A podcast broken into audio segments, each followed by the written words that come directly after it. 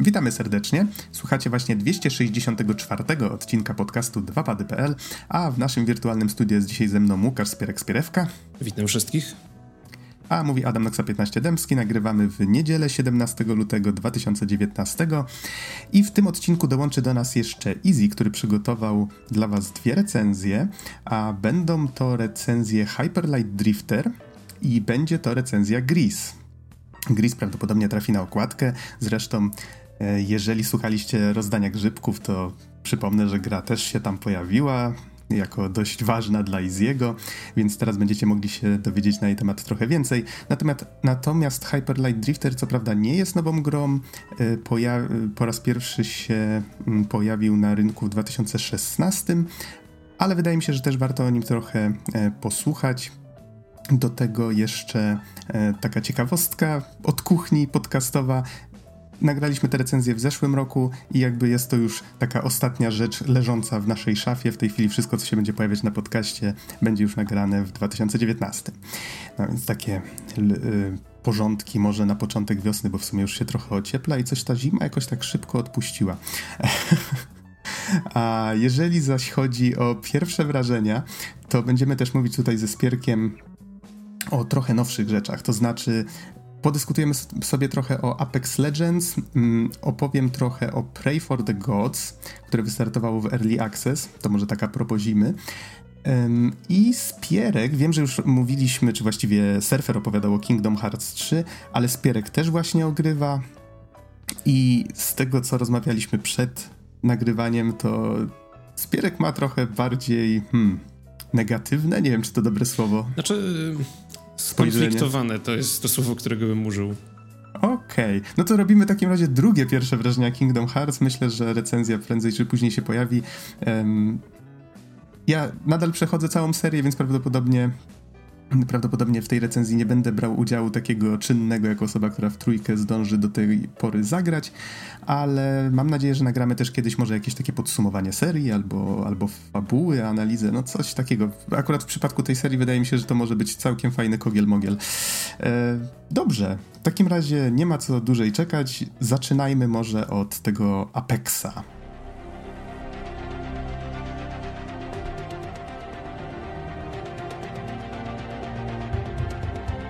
To powiedz, Spierek, czym jest Apex? Dlaczego się powinniśmy nim zainteresować i czy w ogóle warto w niego zagrać? Mhm. Znaczy Apex, Apex, Apex Legends... Blah. Apex Legends jest nową grą od Respawn Entertainment i to jest studio, które wcześniej tworzyło Titanfalla i Titanfalla 2. Znane jest też z tego, że jego założyciele, czyli Vince Zampella i Boże, nigdy nie mogę sobie przypomnieć, jak się nazywa ten drugi człowiek, bardzo przepraszam. E, stworzyli też razem Infinity Ward, które było odpowiedzialne za serię Call of Duty i w tym za Call of Duty 4 Modern Warfare, czyli takiego, nazwijmy to, praojca aktualnego, tego jak teraz wygląda tak naprawdę rynek first person shooterów. E, jeżeli chodzi o Titanfall 1, to jego premiera była trochę średnio udana bo był tam ten motyw exclusivity z Xboxem, było trochę innych zawirowań. E, potem Titanfall 2 został wypuszczony trochę na pożarcie, bo wyszedł razem z Battlefieldem 1 i e, Call of Duty, jeżeli dobrze pamiętam, Modern Warfare 3 albo World at War. W każdym razie był jakby sandwichowany pomiędzy jedną dużą premierą i drugą dużą premierą i, i gra trochę szybko e, szybko straciła nogi. Apex Legends to jest ich jakby powrót do tego samego uniwersum, ale bez tytanów i w formie gry Battle Royale. E, I sposób, w jaki gra została ogłoszona jest mega, mega ciekawy, bo nie było, znaczy pojawiły się plotki, jeżeli dobrze pamiętam, chyba w piątek, a gra była ogłoszona jakby ready to go dwa dni później. W sensie od momentu, kiedy pojawiły się pierwsze plotki, że hej, ci ludzie mogą, planują robić coś takiego, to praktycznie zaraz potem e, ogłoszono Steam i powiedziano tak, robimy coś takiego, tak, tak wygląda gra, e, możecie ją pobrać teraz.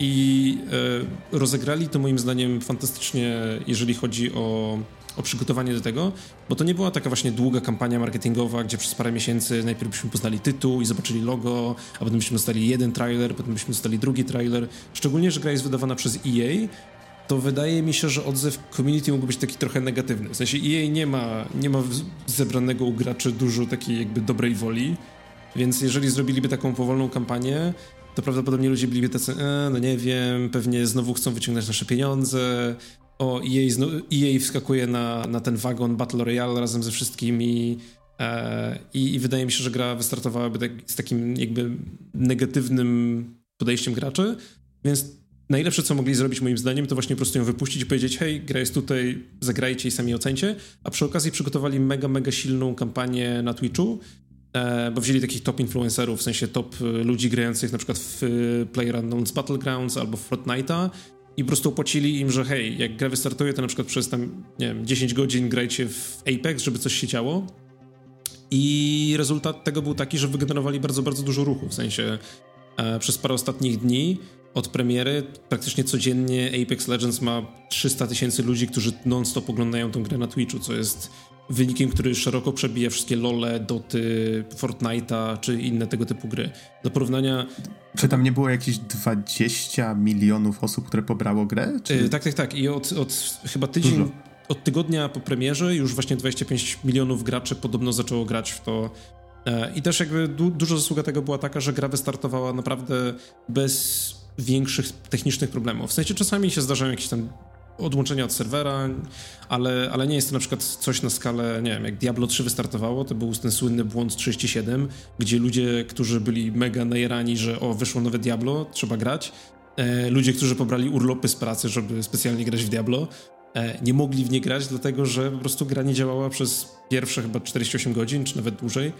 E, to tutaj generalnie nie było żadnych technicznych problemów większych ani na PC, ani na PS4, ani na, na Xboxie, bo chyba na tych platformach się właśnie gra ukazała. E, no i to tak tytułem wstępu, moim zdaniem launch mieli perfekcyjny. Nie, nie dało się tego zrobić lepiej, po prostu się nie dało. Natomiast e, jeżeli... To, tak, to hmm? zgodzę się że pod tym względem, że faktycznie technicznie i ta gra jest zrobiona, wypoliszowana świetnie, dopracowana i, i ten, yy, i ta premiera, która już patrzę, to było 4 lutego i faktycznie tak jak mówisz, właśnie na PC i tych dwóch głównych platformach, wszystko było super. Nie, nie, było na co narzekać. Ja nie jestem fanem Battle Royale. Właściwie jest to pierwsze Battle Royale, w jakie grałem. I postanowiłem spróbować, no okej, okay, jest za darmo, stylistyka mi bardziej pasuje niż w Fortnite. Poza tym mhm. Titanfall 2 był tak dobrze zrobiony. O Jezus w sensie, tak, on był tak dopieszczony, tak grywalny i co prawda kupiłem go przede wszystkim dla singla, ale w multi trochę pograłem, zresztą na podcaście rozmawialiśmy też o tym e, i no spodziewałem się, że Apex będzie przynajmniej tak dobry, chociaż nie podoba mi się ten pomysł, że okej, okay, to jest w uniwersum Titanfalla, ale pozbądźmy się tytanów i nie będzie biegania po ścianach, czyli mhm. te dwie najbardziej dynamiczne, najfajniejsze i takie najbardziej wyróżniające znaczy, to uniwersum. jakby trochę to tłumaczą w ten sposób, że jakby Apex, gra się nazywa Apex Legends, Apex to jest jedna z frakcji w Titanfallu, e, i jakby cała gra jest też zrobiona w konwencji takiego trochę reality show, gdzie po prostu bardzo, bardzo utalentowani e, najemnicy, czyli właśnie te legendy, e, ścierają się na polu bitwy po to, żeby wygrać chwałę. Więc jakby setting nie jest super oryginalny, ale powiedzmy, że działa. W sensie robią wystarczająco dużo roboty, żeby, żeby to się kleiło, bo jest na przykład announcer, który ogłasza, że za 3 minuty zaczyna się nowa runda, albo z, paczka z rzeczami zostaje zrzucona. E, plus. E, tak, albo jest coś takiego, że na mhm. początku każdego meczu jest ogłoszone, że y, ta osoba jest liderem, co znaczy, że wygrała. zawsze jest tak dobierany skład y, osób, które są na serwerze, jest chyba 60, tak? Jest dokładnie 60, tak. I wszyscy grają osób? w trójkach. Tak, e, nie tak. można grać solo, to też jest bardzo ważne. I, I, jedna z tych osób, nie wiem, może przynajmniej jedna, jest osobą, która wygrała poprzedni mecz, jakiś tam, który znaczy, grała. To, to nie jest zawsze do końca tak, bo na przykład ja, tak? ja przynajmniej raz jakby byłem ogłoszony, że here are your champions i powiedzmy tu był Spierek, e, lider poprzedniej gry, gdzie poprzednia gra na przykład e, serwer się rozłączał chyba wszystkim i po prostu jakby nikt nie wygrał i, i wchodząc do następnej gry właśnie było, że your champions i ja, zero kills, zero czegokolwiek Okej, okay, rozumiem. No. E, no, niemniej tak kończąc tylko myśl z tymi tytanami, domyślam się, że właśnie dlatego gra nazywa się tak, jak się nazywa, żeby okej, okay, to jest to samo uniwersum, wink wink, ale no, ale nie traktujcie tego jak Titanfalla, tak? Mhm. Yy, tak, i właśnie też właśnie w tej konwencji reality show jedna taka fajna rzecz jest yy, związana z tym, że możemy kustomizować te swoje postaci e, i każdej możemy stworzyć taki banner, w sensie to polega na tym, że wybieramy sobie ramkę, wybieramy sobie jakby pozę naszej postaci, oczywiście wszystkie te rzeczy się odblokowuje za, za wirtualną walutę albo z lootboxów, gdyż gdyż nie można tego zrobić inaczej. E, jakby składamy sobie taką ramkę i jeżeli jesteśmy dominującym składem w danym meczu, w sensie mamy najwięcej, y, ktoś z naszego składu ma najwięcej killi, jeżeli dobrze się orientuję, tak to chyba działa, to w różnych miejscach na mapie są takie właśnie wielkie banery, e, takie wielkie cyfrowe monitory, gdzie wyświetlane są właśnie te banery y, osób, które w tej chwili prowadzą. Więc jeżeli, jeżeli idzie nam naprawdę dobrze w meczu, to jakby wszyscy na mapie w konwencji tego reality show jakby widzą, kto prowadzi, ile ma killi. E, nie jestem pewien, czy nie pokazuje, jakiej broni używamy, e, ale nie, nie przyglądają się temu aż tak bardzo, gdyż zwykle jakby biegniemy, biegniemy coś, próbujemy coś zlutować. Mhm. Przy czym zastanawiam się, czy ludzie faktycznie w ogóle zwracają uwagę na te banery. Ja tak trochę um... zerkam na nie okiem czasami, ale, ale nie, nie super aktywnie. Natomiast wydaje mi się, że to jest taki fajny dodatek. No, tutaj nie wiem, ile tak naprawdę powinniśmy mówić na ten temat, bo ludzie już Domyślam się, że są zaznajomieni z Battle Royale bardzo dobrze. Dla mnie parę z tych rzeczy było dość świeżych, znaczy znałem je do tej pory tylko z opisów, tak? Czyli ta pomniejszająca się strefa, to, że wszyscy są, e, mogą sobie wybierać miejsce, w którym chcą lądować. W tym przypadku mamy jakieś takie e, jetpacki i jest wybierana osoba, która jest e, jakby zarządcą zrzutu i kieruje całą drużynę w konkretne miejsce. Ta drużyna może się odczepić w trakcie, więc Dobrze jest grać, grałem i na PC, i na PS4, w obu przypadkach właśnie z kolegami z, mm, z mikrofonami, więc dobrze mieć dobrą komunikację, to bardzo pomaga. Y, jestem w tę grę bardzo słaby, nigdy nie zaszedłem bardzo daleko, jakieś tam jeden czy dwa kile to, to jest maks, co udało mi się tam osiągnąć. Z takich rzeczy, ja które wydaje mi się... Przedstawiłbym mm -hmm. nawet y, kontrapoint tego, co właśnie powiedziałeś, bo mówiłeś, że za każdym razem grałeś ze znajomymi i za każdym razem mieliście mikrofony i za każdym razem jakby potrzebna była dobra komunikacja. Aha. To jest coś, co jest potrzebne w większości gier, gier Battle Royale, bo to są gry bardzo, bardzo oparte jakby na porozumiewaniu się ze sobą, na mówieniu, że widzą przeciwnika w takim kierunku, etc. I Apex Legends robi rewolucyjną i absolutnie fantastyczną rzecz, obchodząc kompletnie te systemy. Mianowicie wprowadza swój własny system pingowania, który pozwala nam, patrząc w dowolnym kierunku, kliknąć środkowym przyciskiem myszki, nie jestem pewien jak to działa na padzie, e, po to, żeby wskazać, że w tamtym kierunku coś się dzieje. I mamy jakby kilka jakby kontekstów tego, co możemy spingować. Na przykład, jeżeli spingujemy po prostu w danym kierunku, to jakby mówimy, hej, chodźmy tam. Ale jeżeli wciśniemy, przytrzymamy ten środkowy przycisk myszki, to możemy z y, menu kołowego wybrać sobie kilka różnych jakby kontekstów. Na przykład możemy zamiast y, chodźmy tam powiedzieć, patrzę w tamtym kierunku, w sensie pilnuję tamtego kierunku, albo byli tu przeciwnicy, bo widzę otwarte skrzynki, albo widzę tam wroga, albo y, jeżeli patrzymy na jakiś przedmiot i spingujemy go, to mówimy hej, w tym miejscu znalazłem, od razu pojawia się jakby ikonka, od razu nasza postać, którą mamy wybraną też mówi, hej, znalazłem y, body armor na poziomie drugim. I jeżeli inny gracz spojrzy w kierunku naszego pingu, bo jakby widzi, widać go też przez ściany, to może spingować nasz ping i powiedzieć, biorę to.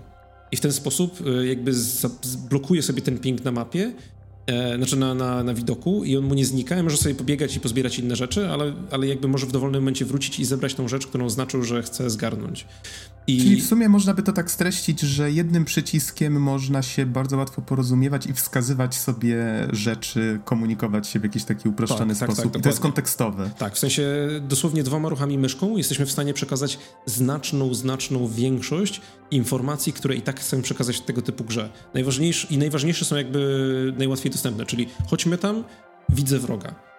I to praktycznie usuwa konieczność korzystania z komunikatów głosowych, więc nie musimy mieć mikrofony, ale też nie musimy się bać jakby o, o barwę naszego głosu, nie musimy się bawić, bać, że ktoś nie rozumie naszego języka.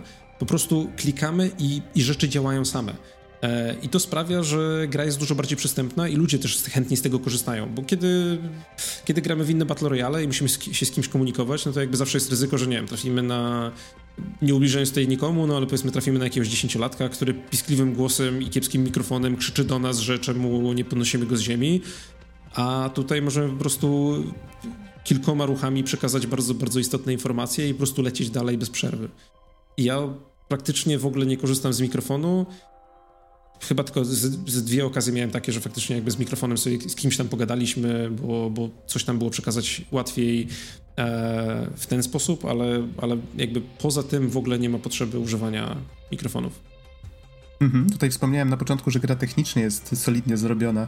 E, w ogóle ostatnio się dowiedziałem, że i Titanfall 2 i właśnie Apex Legend, e, Legends powstało na silniku Source. Tak, to jest bardzo, od, bardzo od zmodowana wersja silnika Source znanego z Half-Life'a 2 i, i innych gier Valve. Mhm. A tak, I taka właśnie ciekawostka, gra bardzo dobrze dobiera ustawienia sprzętu. To znaczy, mój komputer nie jest już najnowszy, 2014, czyli no, uh, prawie 5 lat. I co prawda przechodziłem na nim Wiedźmina 3 i wiele innych gier, nadal jestem w stanie grać na dość wysokich detalach.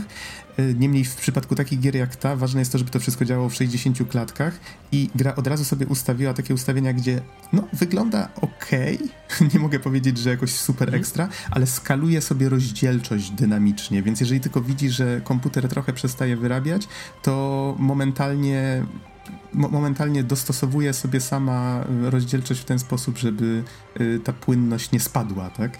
I co jest bardzo fajną opcją. Jej minusem, znaczy da się ją chyba wyłączyć, jeżeli komuś to przeszkadza, ale jej minusy są takie, że no faktycznie, jeżeli chcę patrzeć się w dal i, i, i, widzę właśnie, że ta rozdzielczość spada, to, to ma się takie odczucie, jakby, jakby ten detal gdzieś uciekał i, i jakby można było czegoś nie dostrzec w, w oddali. Ale ja tak, technicznie jest super. To nadmienię tutaj właśnie odnośnie technikaliów, że y, generalnie zgadzam się z tobą, ale y, z niewiadomych przyczyn silnik Source, jeżeli ktoś ma laptopa z dwiema kartami graficznymi, tak jak ja, to silnik Source wymusza odpalenie na tej zintegrowanej, gorszej karcie graficznej i na początku miałem jakby takie dwa mecze, kiedy kombinowałem z opcjami graficznymi na różne sposoby, żeby dobić do tych 60 fps, bo cały czas było tak dużo, dużo, dużo poniżej tego. E, I w końcu udało mi się wykombinować, że właśnie że trzeba wejść jakby do panelu NVIDIA i ustawić, żeby ta gra się na 100% zawsze odpalała na tej lepszej karcie graficznej i wtedy działało już świetnie. E, jeżeli ktoś ma tego typu problem, to, to niech się nie zniechęca, tylko właśnie pogrzebie trochę w ustawieniach, ale poza samą grą i, i wszystko powinno być w porządku. Z takich innych rzeczy, które wyróżniają tą grę od innych gier typu Battle Royale, to są właśnie ty tytułowe legendy. W sensie to jest coś, czego jeszcze też nikt nie zrobił w tym gatunku, z tego co się orientuję. E, chyba Hi-Res, czyli ludzie od Smite'a i, i e, Paladins e, planują teraz Realm Royale, który też ma być takim właśnie Battle Royale, ale z postaciami. E, no i Apex Legends wydaje mi się, że jest pierwszy, bo nie jestem pewien, czy Realm Royale już wyszło. E, mamy wprowadzony jakby roster ośmiu postaci, z których każda ma troszeczkę inne umiejętności, jakby swój, swój własny charakter i swoją własną osobowość. E, na przykład Pathfinder to jest robot, który ma hak z linką znany z Titanfall 2 i możemy tego haku z linką używać tak powiedzmy co 10 sekund e, po to, żeby się na przykład wciągnąć ciężko dostępne miejsce, ale też możemy na przykład złapać przeciwnika i przyciągnąć go do siebie. E, Chyba możemy zostawić też tę linkę, żeby drużyna mogła z niej skorzystać. To jest prawda? jakby druga linka, bo w sensie mamy jedną taką Aha. linkę, której możemy używać co 10 sekund i ona przynosi tylko nas, ale możemy też użyć tak zwanego właśnie Ultimate Ability po to, żeby raz na chyba minutę zostawić linkę, którą, e, po której jakby wszyscy mogą jeździć, ale też jakby i sojusznicy, i przeciwnicy. E, chyba tej linki nie można zniszczyć, tak mi się wydaje. Nie testowałem tego nigdy. E, plus każda postać ma też umiejętność pasywną. E, na przykład e, Lifeline to jest medyk, który szybciej podnosi powalonych graczy i też rozstawia taką tarczę, kiedy ich podnosi. Plus e, może szybciej używać przedmiotów takich zużywalnych, na przykład apteczek. Jakby ten to, co moim zdaniem jest najciekawsze w tym rozsterze postaci, to jest to, że każda z nich ma taki swój unikalny, unikalny smak. W sensie taki. Każdą z nich gra się troszeczkę inaczej, ale też z drugiej strony żadna z tych umiejętności nie jest na tyle przesadzona, że czujemy, że o nie, ktoś wybrał taką postać, więc y, już nie ma, już nie ma po co grać. E, jakby do tego, że postaci jest tylko 8, no to wiadomo, że występują duplikaty pomiędzy różnymi ekipami, ale w naszej ekipie każdy może E, każdy musi mieć unikalną postać. W sensie nie mogą trzy postaci grać na przykład Pathfinderem, każdy musi wybrać kogoś innego. E, I moim zdaniem to wprowadza taki właśnie ciekawy balans, gdzie powiedzmy na przykład właśnie jedna osoba weźmie Pathfindera, więc może czasami postawić linkę, żebyśmy mogli się szybciej przenieść w jakieś miejsce. Ktoś inny weźmie Bloodhounda, który potrafi e, w pewnym niewielkim promieniu wykrywać przeciwników, nawet jeżeli na przykład są schowani w, w dymie. No i na przykład powiedzmy ktoś inny weźmie Bangalore, która jest postacią, która raz na jakiś czas może rzucać granatami dymnymi, które ograniczają naszą widoczność. Możemy właśnie jakoś tak kombinować, żeby zebrać skład, którym gra nam się dobrze, który też przy okazji ma jakieś takie fajne synergie, ale nie jest to wymagane do wygrania, ponieważ wszyscy korzystają koniec końców z tych samych broni, wszyscy używają tych samych przedmiotów, jakby wszyscy dążą do tego, żeby być numerem jeden. To nie jest tak, że, że istnieje jeden najlepszy skład i niczym innym nie da się wygrać. Mhm. No i tutaj nie mam porównania oczywiście, więc musisz ty mi powiedzieć, czy to faktycznie tak jest, ale wydaje mi się, że ta gra jest przede wszystkim stawiana na dynamizm. Tak, znaczy właśnie system ruchu jest dużo, dużo fajniejszy, dużo bardziej dynamiczny. Znaczy PlayerUnknown's Battlegrounds w jakimś momencie po premierze w końcu też prowadził jakby trochę trochę przyjemniejszy gameplay, trochę bardziej dynamiczny gameplay, gdzie na przykład mogliśmy, gdzie powiedzmy na samym początku ta gra była mega statyczna i jeżeli na przykład widzieliśmy otwarte okno, to nie mogliśmy przez nie przeskoczyć, musieliśmy iść dookoła i przejść drzwiami i to było wszystko takie czu, czułeś, że twoja postać to jest taki wielki kloc, który chodzi i czasami się e, czołga. E, podczas kiedy Apex Legends pozwala nam właśnie wdrapywać się na ściany, wskakiwać przez okna, e, zjeżdżać po tych linkach i cały ten system ruchu, nawet pomimo tego, że nie ma biegania po ścianach horyzontalnie, to, to czuję, naprawdę dobrze się czuję grając w tej grze. Po prostu sam, sam fakt biegania. Spora zasługa tego jest taka, że przenieśli z Titanfalla 2 system, gdzie jeżeli y, nasza postać biegnie z górki, w sensie po jakiejś takiej równi pochyłej i kuca e, w trakcie sprintu, to zaczyna ślizgać się na kolanach i to pozwala nam się w konkretnych miejscach przemieszczać dużo, dużo szybciej, tylko też musimy właśnie uważać, jeżeli teren staje się zbyt płaski, no to musimy wstać i biec, bo biegnięcie będzie szybsze, E, I to wszystko sprawia, że, że naprawdę fajnie się po prostu biega w tej grze. Że takie. Można zjeżdżać jak na sankach ze zbocza. Tak, tak, tak, tak, ale w sensie, że właśnie wszystkie takie najbardziej podstawowe czynności, bieganie, sprintowanie, zjeżdżanie z góry, jeżdżenie po linkach, wskakiwanie na rzeczy, wszystko to ma po prostu mega, mega dobry feeling. E, I w grze, w której przez 90% czasu wykonujemy te rzeczy, jeżeli one jeżeli one są przyjemne, no to cała reszta gry jest przyjemna. Gdzie na przykład dla porównania PUBG i Fortnite kompletnie się nie umywają do tego, jak w Apex Legends fajnie się biega.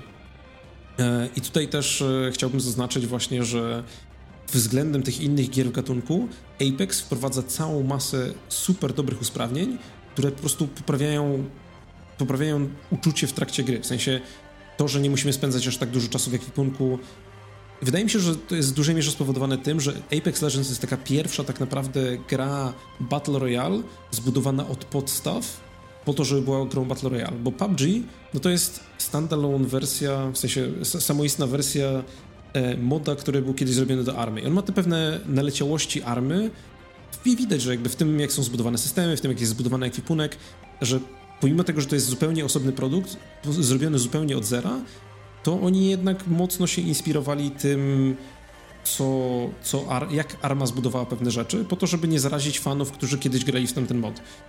Fortnite to jest Fortnite Battle Royale, bo cały czas mówimy o Battle Royale oczywiście.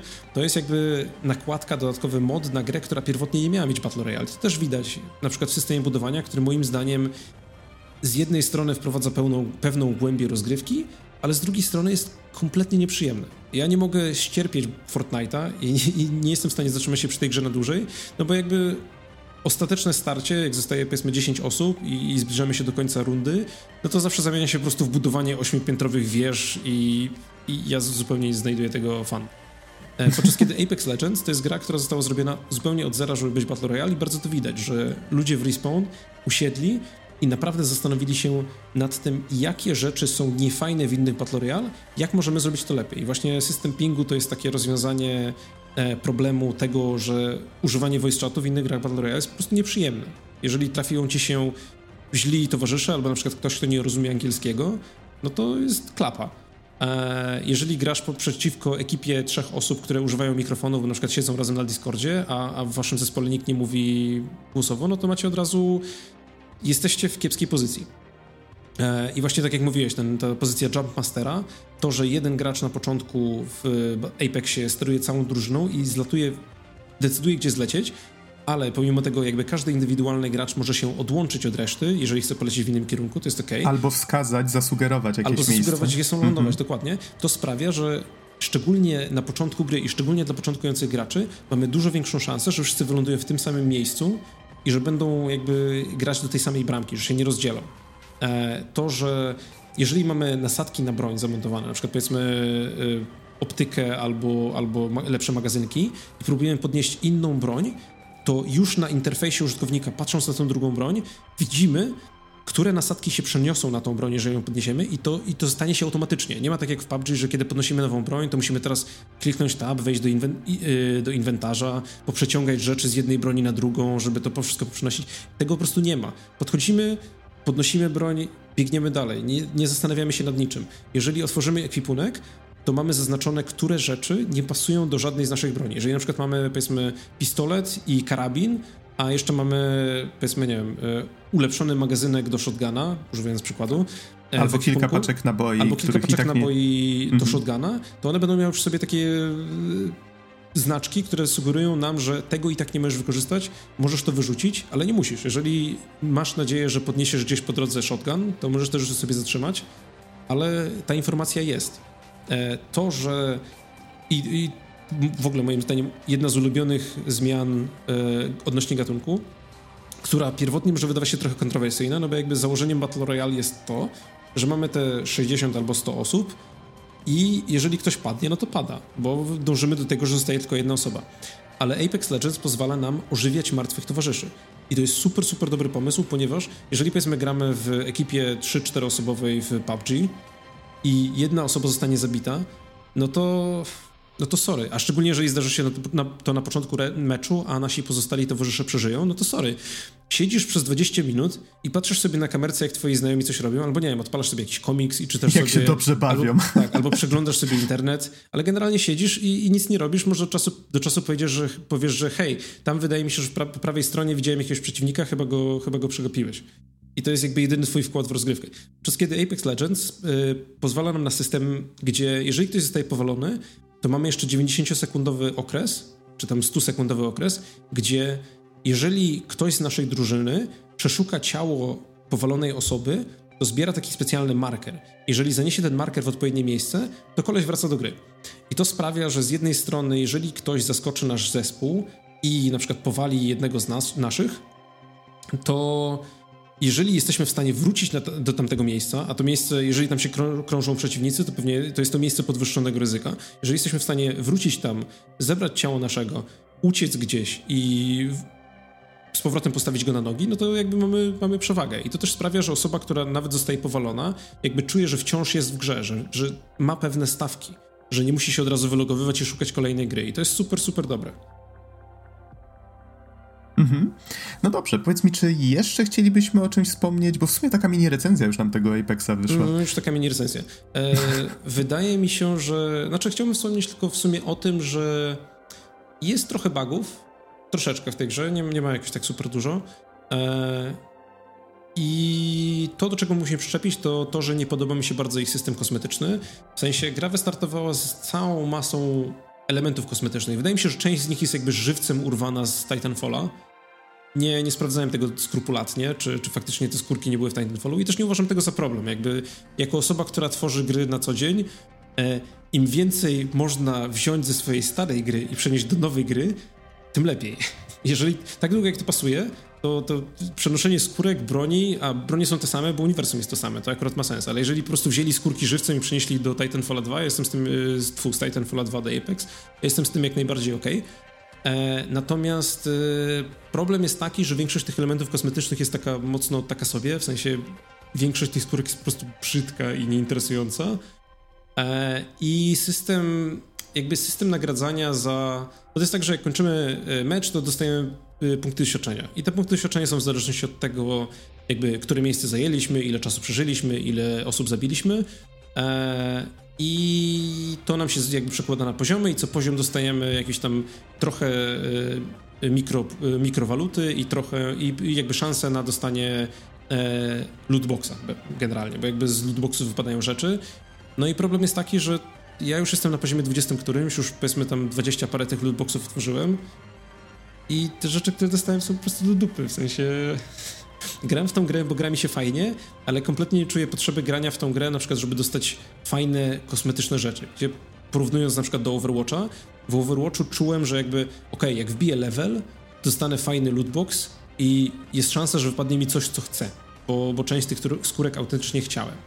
E, podczas kiedy w Apex kompletnie nie czuję tego i mam nadzieję, że się to trochę poprawi, bo w marcu chcą wprowadzić system Battle Pass, podobny do tego w Fortnite, gdzie mamy, możemy jakby kupić dostęp do, do osobnego jakby paska punktów doświadczenia i jeżeli sobie nabijemy te punkty doświadczenia, to na przykład co poziom dostajemy jakąś tam nagrodę. Więc to jest taki system, gdzie powiedzmy raz na jakiś czas wspieramy abonamentem grę po to, żeby móc odblokować fajne rzeczy. Mam nadzieję, że trzymają te, te lepsze skórki i te ciekawsze rzeczy na ten system Battle Pass no i też mam nadzieję, że gra nie, nie, nie, nie, padnie do tego czasu, że to nie będzie tak tylko, że wszyscy przez dwa tygodnie teraz grają w Apex Legends, a potem się rozejdą z powrotem do jakichś innych rzeczy, tylko że ta gra trochę podtrzyma, bo wydaje mi się, że ten zespół deweloperski jak najbardziej na to zasługuje. I do tego, że gra jest za darmo, jest dostępna na tych wszystkich większych platformach, wspomnieli, że chcą być na Switchu i na komórkach, zobaczymy ile im to zajmie, e, to wydaje mi się, że jest warto po prostu pobrać i zagrać. Mhm, tak, zgadza się. I do tego może taka rzecz, która niektórych zainteresuje. Zapowiedziano, że co prawda jest albo będzie w niedale niedalekiej przyszłości crossplay, ale nie będzie mm, można jakby tego samego progresu mieć między platformami, ze względu na to, jak to zostało zaprojektowane bardzo wcześnie w trakcie developingu i po mm. prostu ciężko byłoby to zmienić w tej chwili. No to jest akurat troszkę słabe, bo to, co jest fajne w Fortnite, to jest to, że można mieć te konta i jakby progres się pomiędzy nimi przenosi, więc czy grasz na komórce, czy grasz na PC, no to jakby exp wpada na to samo konto i skórki masz te same. Wydaje mi się, że szczególnie, znaczy może jeszcze nie w tej generacji, bo już powoli zbierzemy się do końca, ale w przyszłej wydaje mi się, że to będzie mega, mega istotne, żeby, te, żeby gry to wspierały. Mhm, no byłoby super, to jest bardzo fajna rzecz. Tutaj e... może wyskoczę jeszcze tylko z taką ciekawostką Aha. E, poza kontekstem, bo znaczy, no to już nie plotki, to jest prawie że potwierdzone, ale Microsoft w marcu na GDC będzie ogłaszał nową wersję swojego jakby systemu do developmentu między platformami i częścią tego ma być na przykład wprowadzenie Xbox Live na Switcha i na komórki. Więc spokojnie widzę w przyszłości na przykład sytuację, gdzie grając w gry na Switchu dostajemy achievementy Xboxowe, i nie zdziwiłbym się, gdy, gdyby to na, na, przykład też nie prowadziło do tego, że powiedzmy mamy konto Xboxowe i tam jakby na tym koncie trzymamy dane o tym, jakie mamy skórki i jakie mamy rzeczy. I gramy na Switchu, gramy na komórce, gramy na PC, gramy na Xboxie. Jakby wszędzie mamy to samo. Wydaje mi się, że to jest przyszłość, do której powoli będziemy zmierzać. Mm-hmm. No, kto wie, ile jeszcze ciekawych rzeczy się dowiemy na temat tej nadchodzącej generacji. To, to może być ciekawy rok pod tym względem. Dobrze, powiedz mi, czy jeszcze chcemy coś o Apexie mówić, czy lecimy dalej? Wydaje mi się, że już, no. już mamy z tego mini recenzję, ale uh. uważam, że jest to gra naprawdę warta spróbowania. Prawie Jeżeli macie znajomych, to szczególnie, to zaciągnijcie ich wołami i zagrajcie sobie w Apex, ale nawet jeżeli nie macie znajomych, to jest też Powiedziałbym, że to jest taki pierwszy naprawdę dobry Battle Royale do grania samemu, ze względu na to, jak te systemy składają się na to, że da się w to grać samemu. Mhm. Dobrze, to przejdźmy dalej. E, kolejna gra, o której chcieliśmy opowiedzieć, to Pray for the Gods. Jest to gra, która e, pojawiła się, no, albo inaczej, miała premierę 31 stycznia, ale było to, był to start w Early Access, czyli nadal sporo rzeczy da się poprawić, o czym za chwilę wspomnę. Niemniej już teraz ma bardzo dużo pozytywnych recenzji na Steamie, ponad 300 na dzień dzisiejszy i... Ym, z tego co wyczytałem, twórcy, a jest to małe studio No Matter Studios, trzy osoby. Z tego co wyczytałem, to jeszcze kompozytor brał udział w tworzeniu tej gry, jakieś niewielkie studio e, związane z dźwiękiem. Twórcy są osobami z dużym doświadczeniem, łącznie tam wyczytałem, że 30 lat doświadczenia mają w branży i planują spędzić w tym Early Access od pół roku do roku. I no, trochę się zastanawiam właśnie, że oni prawdopodobnie chcieliby, żeby to trwało pół roku, ale patrząc po tym, w jakim gra jest w stanie na dzień dzisiejszy, wydaje mi się, że może się to przeciągnąć. E, zwłaszcza premiery konsolowe, które teoretycznie też są planowane na ten rok, no ale no, no zobaczymy. Rok się dopiero zaczął. Dużo pracy przed nimi, bo e, sama gra Właśnie, nie powiedziałem w ogóle o, o, o, jaki, o jakim typie gry mówimy. E, to jest właściwie taka kalka Shadow of the Colossus. Czyli to, to, jest grupa osób, która stwierdziła, że w, w, sumie nikt nie próbował stworzyć właśnie gry podobnej, tak silnie inspirowanej Shadow of the Colossus. Postanowili właśnie zapełnić tę niszę i otworzyli Kickstarter w lipcu 2016. Udało im się zebrać pół miliona dolarów. Ponad 14 tysięcy osób właśnie się złożyło na tę sumę widać, że, że pomysł chwycił, że, że ludzie też są właśnie podekscytowani taką, taką wizją.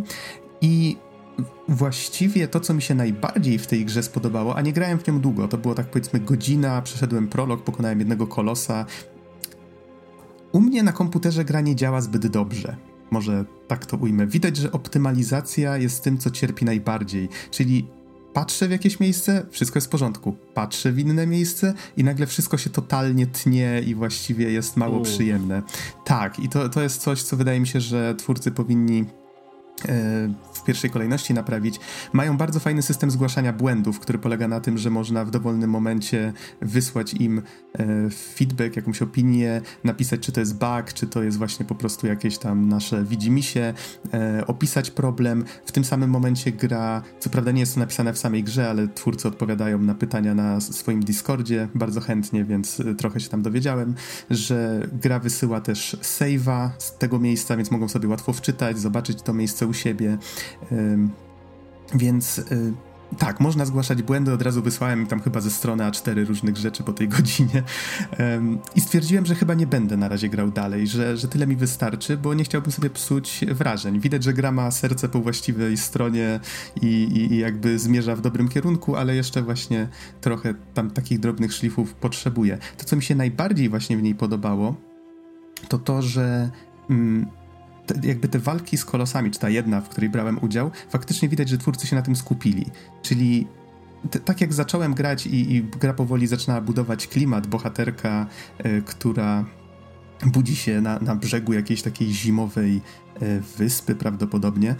Y, wiemy, właściwie nie wiemy nic na jej temat i to jest też takie trochę mm, coś, co zasugerowałem, że może powinni chociaż jakoś zbudować e, jakiś taki, nie wiem, powód, dla którego ona tam jest, tak? Dlaczego walczy z tymi kolosami, bo można sobie na stronie sklepu oczywiście przeczytać, że ona wędruje na sam koniec jakiegoś takiego zrujnowanego, czy może pogrążonego w zimie świata, żeby się dowiedzieć, dlaczego ta zima się nigdy nie kończy. I prawdopodobnie są za to odpowiedzialne właśnie te kolosy, czy ci bogowie tytułowi, jak się domyślam. Mm, i y, właśnie ta pierwsza walka z Kolosem uświadomiła mi, że twórcy na tym się właśnie skupili, bo od razu się poczułem jak w Shadow of the Colossus. I kamera podobnie pracuje, i y, właśnie to chwytanie się Kolosa działa podobnie. Z wyjątkiem tego, że słabe punkty na kolosie, nie traktujemy ich mieczem, wbijając go, tylko są to takie jakby kamienne walce, coś, coś takiego, co bohaterka wyciąga najpierw, widzimy, że to się ładuje, jakby jakiś taki ogień się w środku buduje i w pewnym momencie musimy właśnie naciskając przycisk jeszcze raz wcisnąć ten walec z powrotem i w ten sposób zadajemy Tytanowi obrażenia. Jeżeli wykonamy coś takiego trzy razy w każdym takim słabym punkcie, to możemy właśnie szukać kolejnych, czy to gdzieś tam na ramieniu, czy, czy na głowie. Ten kolos cały czas się szamocze, więc to jest e, właściwie można powiedzieć jeden do jednego z tym, co jest w Shadow of the Colossus. Natomiast wszystko, co jest dookoła, trochę zbudowało właśnie takie wrażenie, że okej, okay, to jest gra, która próbuje być jak Shadow of the Colossus, ale, ale w sumie, no, tworzyły ją tylko trzy osoby z ograniczonym budżetem. No nie chcę używać tutaj sformułowania Shadow of the Colossus dla ubogich, bo jest jednak bardzo krzywdzące, ale, ale tak, no, trzeba przyznać, gra konkuruje z tytułem, który powstał za grube pieniądze, tworzony przez duży zespół. E, I tutaj widać, że animacja mogłaby być trochę lepsza, że no właśnie ta optymalizacja bardzo cierpi. Ale ogólnie rzecz biorąc całość nie wygląda źle. Wydaje mi się, że ma duży potencjał. Starano się trochę od tego Shadow of the Colossus odseparować tym, że mamy tutaj linkę, linkę z hakiem, którą możemy się przyczepiać do, e, dajmy na to, jakichś półek skalnych albo do jakichś takich specjalnie oznaczonych punktów na kolosie, więc możemy szybciej się na niego wdrapać. Jest tutaj też szybowanie na kawałku materiału, ale jest to raczej opcja, którą dopiero co znalazłem i w tym momencie przestałem grać, więc niewiele zdążyłem jej potestować. I jest tu też coś, do czego zupełnie nie zdążyłem dotrzeć, czyli dbanie o zasoby, o to, żeby bohaterka nie była głodna, żeby było jej ciepło. Mm. I to jest właśnie coś, co obawiam się, że może, może być różnie z tym. No, ciężko jest zwykle zbalansować tego typu systemy w sposób, który jest fajny i też mm-hmm nie wiem, grając w Shadow of the Colossus, nie, nigdy nie czułem takiej potrzeby, że o, fajnie jakbym musiał jeszcze zarządzać głodem mojego głównego bohatera. Tak, właśnie to jest zabawne, bo y, ja co prawda do tego nie dotarłem, więc nie mogę się wypowiedzieć na ten temat, ale trafiłem na taką recenzję gdzieś i, i tak rzuciła się mi w oczy, dlatego że była negatywna. I właśnie było, że hej, ojej, chyba bym coś zjadł, nie jest tym, o czym powinienem myśleć w momencie, kiedy stoi przede mną 100-metrowy gigant. Więc y, tak, domyślam się, że to może być problem, ale y, no powiedzmy, że powiedzmy, że ciekaw, znaczy nie jestem w stanie właśnie w tej chwili powiedzieć, jak to ostatecznie działa. Na razie sypią się pozytywne opinie. Ja na razie bym odradzał sięganie po grę, jeżeli się boicie właśnie, że będzie u was działać e, niepewnie, chociaż no, zawsze można e, skorzystać z tego, ze zwrotu na Steamie. Niemniej Chciałbym, żeby faktycznie twórcy dopracowali tę grę, żeby poświęcili ten rok czy pół, ile tam im się uda, żeby to było lepsze, sprawniejsze, szybsze, bo chciałbym ją przejść w całości już tak właśnie nie, nie czując się jak tester, tylko, tylko właśnie tak czerpiąc z tego doświadczenia, bo wydaje mi się, że gra może być bardzo fajna. Nie będzie wyjątkowa, bo jest zbyt podobna do Shadow of the Colossus, ale na pewno będzie mam nadzieję przynajmniej, że będzie przyjemna, tak? Mhm, znaczy właśnie czujesz, że istnieje wystarczająco nieliniowości w tej grze i wystarczająco jakby zadań pobocznych, dodatkowych atrakcji, które sprawiałyby, że możesz jakby grać w early access i potem jakby odkrywać tą grę jeszcze raz, czy mimo wszystko czujesz, że jest to bardzo liniowe doświadczenie, które, które mimo wszystko powinno było wyjść jako hey, it's out 1.0? Hmm. Wiesz co, to jest trudne pytanie, to znaczy nie jestem pewien, czy tam jest w ogóle jakaś nieliniowość później. W tej chwili odnoszę wrażenie, że to jest bardzo liniowa gra. W sensie gra mnie zaraz po pokonaniu kolosa wrzuciła do świątyni, która oczywiście jest inspirowana świątynią z Shadow of the Colossus, tylko że tutaj zamiast posągów mamy jakieś takie malunki na ścianach i jeden z tych malunków zniknął. W tej chwili e, widać było, że tych malunków jest pięć, więc domyślam się, że tyle jest kolosów w grze. Twórcy zapowiadają, że chcą grę rozwijać i prawdopodobnie dodadzą do niej więcej tych, tych e, bestii. E, niemniej, no właśnie, hmm, wydaje mi się, że gra od razu wybrała mi kolejnego kolosa, do którego powinienem iść. Więc tak samo jak Shadow of the Colossus. Domyślam się, że po prostu gra dalej będzie mnie prowadzić od punktu A do punktu B, do punktu C i, i po drodze trzeba będzie dbać właśnie o, o te zasoby i może to ma być właśnie takie coś, co, co trochę tę grę urozmaici. E, no zobaczymy. Zobaczymy. Na razie właśnie mam takie trochę mieszane odczucia, ale zdaję sobie sprawę, że gra jest po prostu we wczesnym stadium, chociaż no już twórcy pracują nad nią ile? Dwa, dwa i pół roku? Więc, więc dość sporo, no ale zespół jest malutki, wzięli się za bardzo ambitny projekt, więc w pełni to doceniam. E, muzyka jeszcze, muszę przyznać, że muzyka jest bardzo fajna. O, to jest coś, co warto nadmienić, że naprawdę robi wrażenie i, i pasuje świetnie. I to chyba tyle. Chyba, że masz jakieś pytania, Spierek? Niespecjalnie, po prostu nie mogę przeżyć tej nazwy. Absolutnie nie a, mogę przeżyć nazwy tej gry. A, nie wspomniałem o tej nazwie w końcu. E, tak, bo gra się, gra ogólnie nazywa się bardzo fajnie Pray for the Gods, pisane przez E, czyli, um, czy, czyli zwierzyna Pray. łowna. Pray for the Gods, zwierzyna łowna dla bogów, a z drugiej strony czyta się to czytając to można zrozumieć też jako prei, jako modlić się do bogów. Więc jest taka fajna gra słowna. Jeszcze do tego to E w nazwie jest narysowane taką, widać, że to jest sylwetka postaci, która właśnie klęczy i się modli, więc jest to bardzo fajnie zrobione. Tylko, że w pewnym momencie oczywiście wielka korporacja Zenimax Media musiała się odezwać, a konkretnie prawnicy z tej korporacji i powiedzieć, że hej, mamy grę, która się nazywa Prey i bardzo chcielibyśmy, żebyście nie używali tego słowa w swojej nazwie. No, na litość boską. Tak, pomimo tego, że jakby no, nie da się pomylić tych dwóch tytułów, powiedzmy sobie szczerze, typy gier są kompletnie, kompletnie inne, ale... Znaczy, Czyli powiedzmy sobie jest... szczerze, przyczepili się tylko po to, żeby się przyczepić. Tak, jestem zły na Zenimax, że... Znaczy na pewników Zenimax, że jakby zrobili coś takiego, no ale też jakby rozwiązanie, w które poszli twórcy tej gry sprawia, że no nie wyobraź sobie, że spotykasz kogoś na ulicy i mówisz mu hej, no gram w taką fajną grę, nazywa się Pray for the Gods. I teraz czy ktoś wróci do domu i wpisze Pray for the Gods jak Pray modlenie się, czy jak Pray zwierzyna? Czy wpadnie na to, żeby napisać Pray for the Gods? Tak, dokładnie, bo do takiego doszli wniosku, że trzeba połączyć te dwie rzeczy i właśnie spyry A, E, Y for the Gods, przy czym nie wiem jak się ugadali z Zenimaxem, ale wszystkie logotypy, czy to w grze właśnie, czy na Steamie, są pisane po staremu, tylko nazwa na, w sklepie jest pisana właśnie przez pra-y. A to nie jest tak, że ta litera E, e która uży, której używają jest jakąś taką nor staronordycką literą E, która się czyta AE? Coś w tym stylu? Nie wiem. Szczerze mówiąc nie wiem, Bo nie ta litera pojęcia. wygląda jakoś śmiesznie, więc wydaje mi się, że to może być coś w tym stylu. Nie, wydaje mi się, że to po prostu y, kwestia tego, że to jest właśnie ta sylwetka, górna, y, górna pozioma linia to, jest, to są włosy, y, dolna, znaczy środkowa to jest jakiś tam właśnie mm, jakaś część ubioru i, dol, i dolna kreseczka to są nogi, tak? Więc może dlatego to troszkę dziwnie wygląda, ze względu na to, że to jest sylwetka.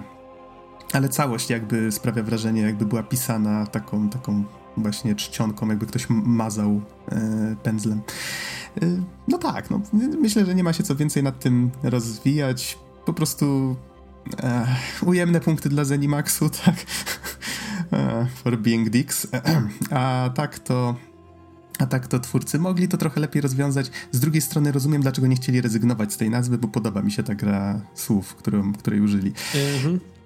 No dobrze, to do Pray for the Gods mam nadzieję, że kiedyś wrócimy, kiedy gra będzie w trochę lepszym stanie, czego twórcom no, oczywiście życzę. Przejdźmy do ostatniej gry, o której chcielibyśmy we wstępie porozmawiać przed recenzjami. Tak, zacieram już ręce. E, Kingdom Hearts. O Boże, to, to zajmie chyba sporo. Nie, nie, nie w sensie, bo, bo do Kingdom Hearts 3 wrócimy. To absolutnie będzie, to będzie duża recenzja. My sobie będziemy, usiądziemy sobie w skórzanych fotelach naprzeciwko siebie, spojrzymy na siebie, po czym zaczniemy cywilizowaną debatę. E, na, pewno na, nie, po, na, pewno postaci... nikt, nie, na pewno nikt nie wyjdzie niezadowolony z tej debaty. tak, z, z, butelką martini lub soku pomarańczowego będziemy dyskutować o postaciach z Disneya, wymieszanych z postaciami tak, z tak, tak Finali, tak, wymieszanych ze wszystkim innym, z fabułą, która non-stop ja, ja, dzisiaj, ja dzisiaj postaram się naprawdę, znaczy trochę mi tu tekstu wyszło, ale naprawdę postaram się e, w miarę szybko. Chryste, panie, ale ta gra to jest miszmasz. Po prostu... po prostu e, znaczy, najpierw trochę kontekstu. E, Kingdom Hearts 3 jest oczywiście zwieńczeniem trylogii, która piętrzyła się przez ostatnie, żebym nie skłamał, 15 lat? Więcej. Więcej. Dłużej. No, 2001 2000... to był pierwszy... Chyba tak, zaraz sprawdzę się pewnie. No, 17 e, czy 18 nawet lat historii. E, wszystko zbiega się w tej grze. E, I i jest to saga, która ciągnęła się, jeżeli, nie, jeżeli dobrze pamiętam, przez jakieś dobre 10 gier, gdzie wszystkie te gry są jakby istotne fabularnie, nawet spin-off, crossover, który wyszedł tylko na y, przeglądarki, jest jakby super istotny dla, dla fabuły całej serii. E, I ja też celowo zagrałem w Kingdom Hearts 3, wchodząc w nie, nie grając w poprzedniej części. Znaczy, grałem w Kingdom Hearts 1 do połowy i potem grałem w Kingdom Hearts Chain of Memories do połowy też ponieważ nie wiedzieć czemu e, akurat uznałem, znaczy, bo to jest gra złożona, Chain of Memories jest grą złożoną z dwóch połówek i nie wiedzieć czemu, jak byłem młodszy, to uznałem, że jak przyszedłem pierwszą połówkę, to już skończyłem grę. E, potem, się, potem się dopiero dowiedziałem, że, że to jednak jeszcze nie, że coś tam zostało.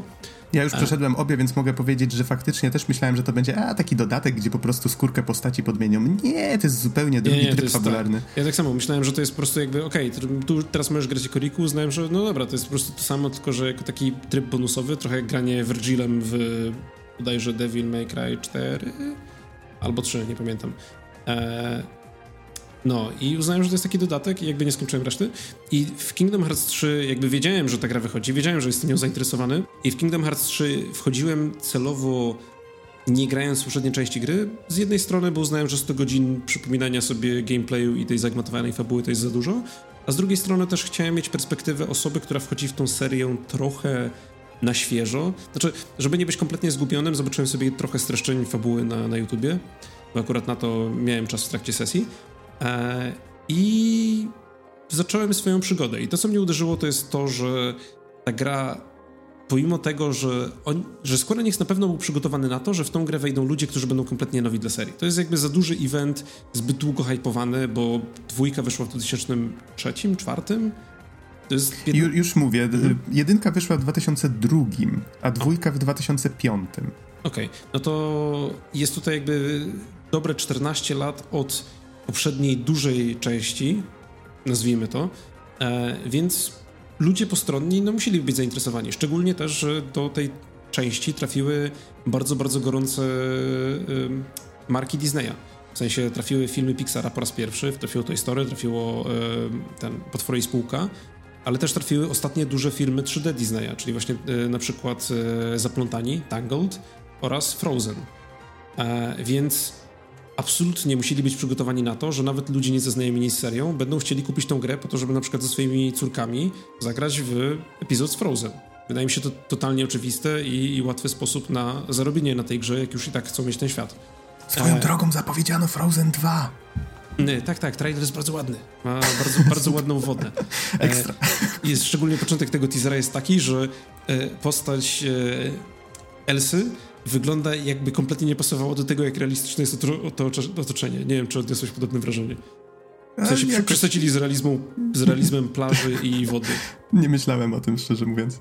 No, e, więc zaskakujące dla mnie jest to, że jakby gra, pomimo tego, że są tam w menu głównym są takie filmiki, które e, przypominają ci Previously on Kingdom Hearts, ale każdy z tych filmików ma dwie minuty i on absolutnie leci po łebkach, w sensie nie tłumaczy ci niczego. E, to jakby gra w ogóle rzuca się na głęboką wodę i od razu od samego początku masz prowadzone 20 tysięcy postaci i każda z nich mówi jakieś rzeczy. Przychodzi myszka Miki i mówi hmm, e, musimy iść do Realm of Darkness. E, a, a, potem jeszcze Goofy i Sora mówią, że o nie, straciłeś swój Power of Waking, musisz e, iść i odzyskać swój Power of Waking. E, więc lecimy do Herkulesa i, i a potem mamy jakby ujęcie, gdzie nasi bohaterowie są w statku kosmicznym i myślę sobie, kurde, ja nie pamiętam jak dolecieć do Herkulesa. Po czym Sora zastanawia się chwilę i mówi, hmm, może, może moje serce nas poprowadzi i, i wyciąga swój Keyblade i otwiera portal w kosmosie i, i przynosi nas do świata Herkulesa. Jestem taki, nie minęło 20 minut od kiedy ta gra się rozpoczęła i ja już nie wiem o co chodzi. Już kompletnie nie, nie wiem co tu się dzieje. tak, dokładnie. E, Przepraszam, no. musiałem. Ale tak, to, to, to, dokładnie tak można podsumować no. to, co się jest, w tej serii to jest dzieje. Kingdom Hearts i właśnie sama struktura rozgrywki, przynajmniej przez te pierwsze kilka światów, jest też po prostu niesamowicie nieinteresująca. W sensie lądujemy na jakimś świecie i pojawia się jakiś problem, nie wiem, przychodzą jakieś potwory, znaczy zwykle, o nie, it's heartless, musimy ich zabić. Eee, i tak sobie robimy kilka walk, poznajemy postaci z Disneya, idziemy sobie troszkę dalej i potem mamy cutscenkę, gdzie pojawia się właśnie postać jakby z tej metafabuły, bo są jakby, każdy świat ma swoją zamkniętą fabułę, która jest y, jakby zawarta w tym świecie. I jest ta metafabuła, która opiera wszystkie światy i tam jest ta organizacja 13, jest Xehanort, jest yy, zaginieni Keyblade Masters i w ogóle surtututu. E, I przychodzi to właśnie postać, e, jeden z antagonistów, a mają ich naprawdę sporo do wyboru, więc któryś z nich się pojawia i mówi nam, że o, mamy tutaj taki mroczny plan, a Sora mówi, o nie, czemu macie mroczny plan, czemu chcecie tutaj zrobić jakieś rzeczy? E, oni mówią, że oni, bo, bo chcemy do, doprowadzić do wojny i szukamy siedmiu nowych księżniczek, a Sora jest taki, o nie, czemu szukacie now, nowych księżniczek? Po czym na sam, na odchodne rzucają nam jakby rzucają nam zwykle taki tekst, który jest, nie sugeruje do końca, czy oni chcą, żebyśmy my robili te rzeczy, które robimy, czy oni chcą nas powstrzymać, ale potem na koniec świata wracają i rzucają nam bossa, którego mamy pokonać. I to jest wszystko takie mega niespójne. W sensie ja nie mogę pozbyć się wrażenia, że w tej grze e, my sobie biegamy w kółko i ci z tej organizacji tak patrzą, jak my sobie biegamy w kółko i z jednej strony podsuwają nam wskazówki, z drugiej strony rzucają nam przeszkody, ale też jakby Gdyby chcieli się nas po prostu pozbyć, to by się nas po prostu pozbyli. I don't know, w sensie... Tak, tak powiem, powiem, ci, że ja już w dwójce, tak, oczywiście nie, nie chcemy tu niczego spoilować, więc tylko powiem, że w dwójce jest trochę tłumaczone, dlaczego oni chcą, żebyśmy robili to, co robimy, ale jednocześnie nie chcą nas tak właśnie z, za mhm. mocno pognębić, tak? Znaczy, no, powiedzmy, zakładam pewne rzeczy, z, zakładam pewne teorie, tak, że jakby jesteśmy potrzebni im do ich planów, ale oni nie chcą tego powiedzieć wprost, ale też z jednej strony po jakby w fabułach wszystkich poprzednich gier Sora już powinien spodziewać się tego, że cokolwiek, co oni próbują zrobić, raczej nie jest dobre, a on mimo tego idzie im na rękę. W pewnym sensie gdyby on, nie wiem, schował się gdzieś po prostu, to problem byłby mniejszy, albo gdyby po prostu wziął się w garść i zrobił rzeczy na porządnie, to też problem byłby mniejszy. Ale to są, znaczy, wydaje mi się, że główny problem jest taki, że od momentu, kiedy wyszły pierwsze części Kingdom Hearts, to ja się zestarzałem. Ja już jestem starym człowiekiem. Szukasz już, już sensu w rzeczach, które tak, nie muszą mieć sensu. Ja już nie akceptuję tego gówna, które oni mi rzucają. No jest. Że, że jak, jakbym, jakbym ja miał te 10 lat mniej, to ja bym patrzył, jak są właśnie postaci z Disneya, ja bym się cieszył i, i, wszystko byłoby spoko, a ja już teraz jakby właśnie szukam sensu, jakby analizuję to, co oni mówią i to, co oni mówią, nie ma sensu. No dobrze, ale po, powiedz mi, czy zupełnie jakby nie znajdujesz w tym ani trochę tak tyci, tyci jakiejś są takiej Są przebłyski, są przebłyski. I no. właśnie i to jest mój chyba największy zarzut do tej gry. Bo ja pamiętam, jak grałem w Kingdom Hearts 1, to to był jakby początek serii. I fabuła tej gry była naprawdę niesamowicie prosta. W sensie, jesteśmy kolesiem i nasi znajomi przepadli, a ich bardzo lubimy, więc musimy ich znaleźć i dostajemy możliwość podróżowania na różne światy, do różnych światów, żeby znaleźć naszych znajomych. I jakby nasz cel jest przedstawiony i jest jasny. E, powód, dla którego idziemy do tych światów jest jasny i klarowny, a przy okazji zwiedzamy sobie świata Disneya. I to jest tyle. I nie potrzebuje, naprawdę nie potrzebujemy więcej motywacji. Y, my jako gracz chcemy po, poznać historię naszego bohatera i chcemy, żeby znalazł swoich przyjaciół. My jako gracz chcemy zwiedzać światy Disneya. Te dwie rzeczy łączą się razem w perfekcyjny sposób. Podczas kiedy w trójce jest właśnie tyle tych zagmatwanych metawątków, bo jest ta organizacja, są jacyś nobodies, są jakieś yy, lalki. Okazuje się, że protagonista ma w sobie trzech innych protagonistów. E, jakieś tam postaci zaginęły, ale są nam potrzebne. I to wszystko sprowadza się po prostu do takiego kotła, gdzie za dużo rzeczy jest nam prezentowanych cały czas i my musi, jakby widz jest, oczekiwane jest od widza to, że on nadąża za tymi wszystkimi rzeczami, ale też z drugiej strony nie ma postawionego takiego jasnego celu, no bo tutaj jakby w trójce podróżujemy po tych różnych światach po to, żeby Sora e, odzyskał utracone umiejętności, które stracił z różnych powodów oraz żeby odzyskał swój power of waking. Tylko, że nie jest przedstawione, znaczy nie jest klarownie opowiedziane, czym jest ten Power of Waking i, i dlaczego nam to jest potrzebne, a też żadna postać nie prezentuje nam konkretnych jakby konkretnego sugestii tego, co powinniśmy robić, żeby odzyskać to. Jest po prostu powiedziane, ok, Sora, idź, tam masz statek, tam są światy, weź sobie tam poleć jakoś to będzie. I nie wiem, już za stary jestem, mówię, już nie akceptuję tego tak po prostu jako, mhm. ok, to jest mój cel i muszę to zrobić. No okej, okay. no właśnie widzę, że twoja opinia zupełnie się jakby rozmija z tym, jak surfer do tej sprawy podchodził, więc to jest o tyle ciekawe, że, że fajnie, że podszedłeś do sprawy tak na świeżo. Mhm. E, no, ale właśnie no, też... Te, też mam mieszane odczucia co do tej serii. Właśnie ciekaw jestem, jak wyjdzie taka dyskusja, jak już się wszyscy, jak już wszyscy usiądziemy w tych skórzanych fotelach i z tymi kieliszkami w dłoniach się nie pozabijamy. Żeby też nie było, w sensie uważam, że grę robił naprawdę, naprawdę utalentowany zespół. W sensie gra wygląda naprawdę spoko, system walki jest interesujący, nie wszystko mi się w nim podoba, ale jest na tyle interesujący, że, że fajnie się go używa.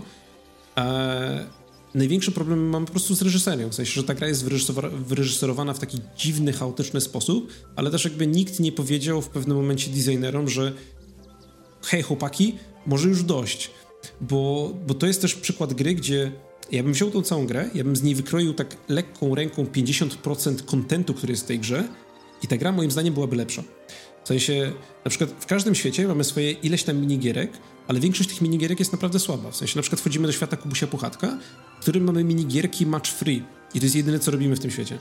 Yy, on też nie, nie, nie trwa on jakoś specjalnie długo, to jest taki bardziej bonus, nazwijmy to. To znaczy, powiem ci tak, mhm. w każdej części, w jaką grałem do tej pory, to świat Kubusia Puchatka istnieje tylko po to, żeby były w nim minigierki, okay, ale match free, match free jeszcze, te, znaczy, tego poziomu jeszcze nie osiągnięto. wariant na temat match free, w sensie to jest taki match free połączony z e, e Bastamów, bodajże Bastamów, e, gdzie wrzucamy jakby kulki w dolny rząd i jeżeli jest tam pięć połączonych, to one wtedy się ściągają, plus są jakieś tam umiejętności i robimy tylko po to, żeby żeby dostać jakieś tam surowce i to też nie jest specjalnie interesujące.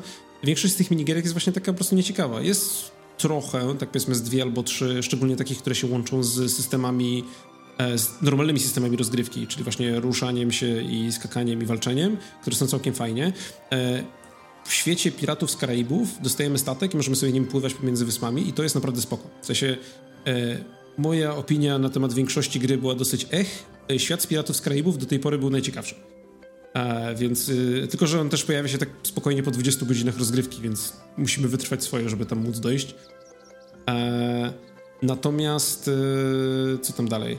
E, pomiędzy światami latamy świat, statkiem kosmicznym i to jest też coś, co było już od pierwszej części gry, w sensie był ten Gummy Ship, którym mogliśmy latać tutaj to rozbudowali do tego stopnia, że mamy, możemy latać faktycznie w przestrzeni 3D i są tam jakieś przeszkody, e, są walki z minibossami, są jakieś tam zagadki do rozwiązywania, ale nic z tego nie jest specjalnie ciekawe. Mamy system gotowania oparty na minigierkach e, i możemy jeść te potrawy po to, żeby dostawać bonusy pasywne, mamy crafting i z przeciwników wypadają jakieś rzeczy i możemy craftować mikstury i bronie i jakieś tam rzeczy, ale tego też się nie używa. Wprowadzono Instagram i robienie zdjęć, i pomiędzy, e, jak są loading screeny, to na loading screenach mamy taki pseudo-Instagram i zdjęcia, które niby wrzucały postaci, ale na przykład ten Instagram, e, na przykład na pierwszym loading screenie w grze e, pojawia się właśnie takie instagramowe zdjęcie Sory z jakimś tam oczywiście motywacyjnym cytatem, zanim Sora jeszcze otrzymuje w grze telefon po to, żeby mu zrobić te zdjęcia. I to, jest, to wszystko to są takie właśnie rzeczy, gdzie ja Próbuję super... nadążyć za wszystkim, co mi tutaj tak, przelewasz. Tak. I, to jest, I to jakby gra rzuca w ciebie non-stop. I to jest tak, że mówię, grasz w tą grę i, i nie mogę się pozbyć wrażenia, że development tej gry powstawał tak, że reżyser wchodził pewnego dnia do biura i mówił wiecie czego brakuje w tej grze? Instagrama. Zróbmy to. Po czym wpada do studia dwa dni później i mówi wiecie czego w tej grze brakuje? Minigierki z tańczeniem, jak będziemy w świecie zaplątanych. I tak i jakby nikt nie kwestionował tych decyzji, po prostu jakby lecono z tym do przodu po to, żeby wypełniać tą grę kontentem. Takie wymowne westchnięcie na koniec? Eee, znaczy, Czy jeszcze? Wydaje mi się, że zostawiłbym jakby widzów... E, znaczy tak, to też jest opinia osoby, która nie miała wcześniej kontaktu z większością gier w tej serii. Być może większość tych mechanik jakby narastała i była wprowadzana w takim tempie, że jak ktoś przejdzie te całe tam Kingdom Hearts Story So Far Collection, gdzie jest Kingdom Hearts 1,5 i Kingdom Hearts 2,5 e, i, i, Kingdom Hearts 2,8 e, tak. E, Czyli to są trzy składanki w jednej, tak, tak. Tak, trzy składanki w jednej, mhm. to jakby jest w stanie to lepiej potraktować, jest bardziej przygotowany na to wszystko, ale jeżeli ktoś planuje zaczynać swoją historię z... Znaczy przygodę z sagą od trzeciej części, to moim zdaniem jest to bardzo taki sobie pomysł. W sensie jest to gra, która jest zbyt chaotyczna i, i zbyt poskładana w dziwny sposób i wydaje mi się, że, e, że nie jest to do końca dobry typ na, na, na pierwszy kontakt z serią. E, co nie zmienia faktu, że mówię, jakby jestem sfrustrowany, bo to jest gra, w którą poszło mega dużo pracy i ludzie się mega do niej przyłożyli i widać jakby, że robili to utalentowani twórcy, ale tam jest po prostu za dużo wszystkiego naraz żeby, żeby to się skleiło w jedną fajną całość. Chętniej dostałbym na przykład dużo prostszą grę, w której po prostu sobie latamy po tych światach i mamy te mini przygody w światach e, Disneya i ale, ale taką, przez którą się łatwiej idzie do przodu, a nie gdzie co 5 sekund zatrzymują nas, bo jest nowa minigierka. Mhm. No to mamy teraz pełen obraz przedrecenzyjny. To jeżeli sobie nasi słuchacze odsłuchają pierwszych wrażeń surfera i twoich, to mam wrażenie, że one tak ładnie się spajają pod wieloma względami. A do tematu jeszcze na pewno wrócimy. No, absolutnie, Ty... to jest za duża premiera, żebyśmy zostawili tak, to tak. tak. Tylko, że chcemy się do tego po prostu dobrze przygotować. No, wydaje mi się, że tako, takie podsumowanie całej serii i fabuły też na pewno zrobimy. No, nie po to przechodzę to wszystko od początku. Tak. no, co ja robię tak, ze swoim życiem. Usiądziemy sobie i ty nam będziesz przez 7 godzin opowiadał, tak, co tak. tam się tam dzieje i, i co nam umknęło. Znaczy, nie wiem, czy się zmieszczę w siedmiu, ale damy radę. Zobaczymy. Będziemy próbować. Okej. Okay. Spoko. Dobrze, że będziemy mieli to nagrane. Właśnie, może się przyda dla potomnych. Potem będzie, wnuki spojrzą mi, co ten dziadek robił ze swoim życiem. no cóż. Zmieniając no. temat, mamy jeszcze tak. dla was recenzję dzisiaj, tak. Kończąc I... nasz mega wstęp, który jest praktycznie dwiema trzecimi podcastu. Mega wstęp, dokładnie. A mamy dla was jeszcze recenzję gry Hyper Light Drifter i gry Gris. Zapraszamy.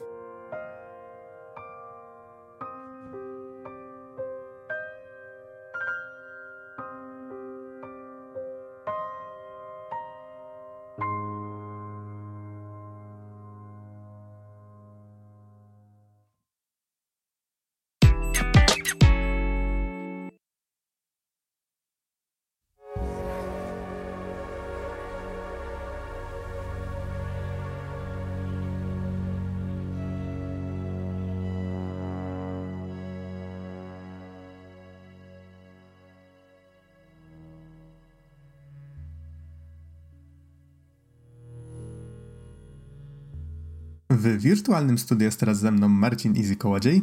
Hej, hej. A mówi Adam Noxa 15 Dębski. Nagrywamy w środę 3 października 2018. I Easy opowie nam teraz o grze Hyper Light Drifter. Co więcej, to nawet nie o zbyt nowej grze, tak naprawdę. I w którą... Oj, nawet mi nie przypominaj, że robiłem pierwsze wrażenia dwa lata temu, mówiąc, o, niedługo będzie recenzja. E, wiesz co, nawet nie wiem, czy ja się kiedyś nie wypowiadałem też w ramach pierwszych, pierwszych wrażeń w, e, właśnie na temat Hyper Light Drifter, bo pamiętam, że gdzieś w okolicach listopada 2016 grałem, ale nigdy nie skończyłem wtedy. Ale teraz już ukończyłem, więc dzięki temu mamy tutaj tą recenzję, więc zapraszam serdecznie. Udało się. No właśnie, to może powiedzmy, co było pretekstem jakby do tego, żeby do tej gry wrócić, bo na PC ta wyszła, co prawda, tak jak właśnie wspomnieliśmy dwa lata temu, 31 marca 2016. Można zagrać też na Macu, Linuxie, Windowsie. A w konsolowa wersja na PS4 Xbox One wyszła 26 lipca tego samego roku. Natomiast w tym roku, 6 września, czyli bardzo niedawno, wyszła wersja Switchowa. Dokładnie. I to w te grałeś. Tak? Mm, zgadza się. I jeszcze jakoś w tym roku wyszła y, edycja fizyczna, tak mi się wydaje, z nakładu Limited Run Games. Tak, Limited Run Games, dobrze mówię. Y, właśnie pojawiła się y, edycja fizyczna zarówno na Switcha, jak i na Playa 4 i Xboxa 1. Więc powiedzmy, że to też był pretekst, a tak naprawdę to po prostu to jest recenzja długo dojrzewająca. I zapraszamy serdecznie teraz. No niestety muszę się przyznać, że ja nie zdążyłem gry ruszyć przed nagrywaniem recenzji po tych dwóch latach, więc yy, nadal jej nie skończyłem. Wydaje mi się, że jestem bardzo blisko końca, ale no cóż, tyle ile zdążyłem sobie przypomnieć, tyle postaram się tutaj pytaniami cię zasypywać. Yy, dodam może jeszcze, skoro już przy tym jesteśmy, że deweloperem gry jest Hard Machine, a publisherem jest Playzm. I chyba możemy przejść już do tego, o czym właściwie jest Hyper Light Drifter. No właśnie tutaj to będzie dosyć ciężko, żeby powiedzieć coś więcej bez, bez jakiegoś spoilerowania, tym bardziej, że no, zresztą o tym za chwilę. E, więc tutaj e, w Hyper Light Drifter wcielamy się w rolę włóczęgi, czyli właśnie tytułowego driftera, e, który toczony nieznaną chorobą oraz takimi mrocznymi wizjami, czy to to wygląda jak jego śmierć, ale powiedzmy, że mamy do, pole do popisu, jeżeli chodzi o interpretację, yy, wyrusza w celu odnalezienia i zniszczenia tajemniczego kryształu. I tak naprawdę to jest wszystko, co wiemy i gra nam nic nie mówi. Gra jest bardzo oszczędna, jeżeli chodzi o jakikolwiek przekaz, nawet yy, nie ma żadnych dialogów tak naprawdę. To z, yy, musimy czysto z takich, z takich wizualiów i z muzyki po prostu wyciągnąć, sami zinterpretować, co się dzieje w grze i jaka jest historia świata, jaka jest historia postaci, które spotykamy, jaka jest historia samego włóczęgi, którym gramy. Nic tak naprawdę nie wiadomo i co więcej, akurat tak e, w ramach przygotowań do, do recenzji nawet poczytałem trochę tam, pochodziłem po redditach, poczytałem parę różnych interpretacji, które no, różnią się od siebie diametralnie i ludzie nawzajem sobie komentują, no, fajna, fajna interpretacja, ale nie uwzględniłeś tego i tego szczegółu. O, to zmienia postać rzeczy, to w takim razie to mi pasuje do tego i tego, a tutaj bym wziął od ciebie. I okazuje się, że tak, że to jest trochę tak y, Soulsbornowo, powiedzmy, w sensie gra wymaga też od gracza zaangażowania, żeby, żeby dowiedzieć się, co się tak naprawdę stało. Mhm. Przy czym faktycznie to, w jaki sposób akcja jest prezentowana, te cutscenki tych wizji na przykład, to wszystko jest takie bardzo, mm, jakby to określić, no robi wrażenie. Więc to nie jest tak, że gra nam kompletnie nic nie mówi, kompletnie nic nie pokazuje. W formie prezentacji tej, tych skrawków historii jest faktycznie czasami dość um, efektowna.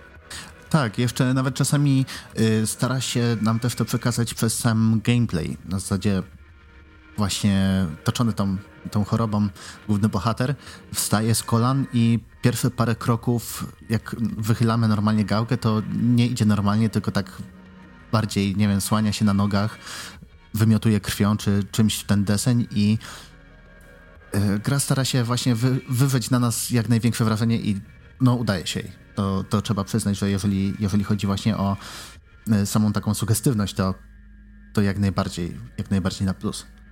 Y, a tak naprawdę, jeżeli chodzi o samą mechanikę, to gra jest dosyć klasyczna, dosyć standardowa, powiedzmy. Y, widać bardzo, bardzo dużą inspirację grami z serii Legend of Zelda, więc tak naprawdę mamy gdzieś tam kamerę wysoko zawieszoną, całość jest dwuwymiarowa i po prostu podróżujemy, podróżujemy po overworldzie, który jest częściowo otwarty i możemy sobie wybrać, w którym kierunku chcemy zwiedzać. Do tego spotykamy normalnie NPC-ów, z którymi możemy pogadać. Oni też tak jakby nie ma dialogów, co po prostu pojawiają się okienka, a w nich obrazy, które właśnie tak jakby przedstawiają to, co NPC nam chcą przekazać.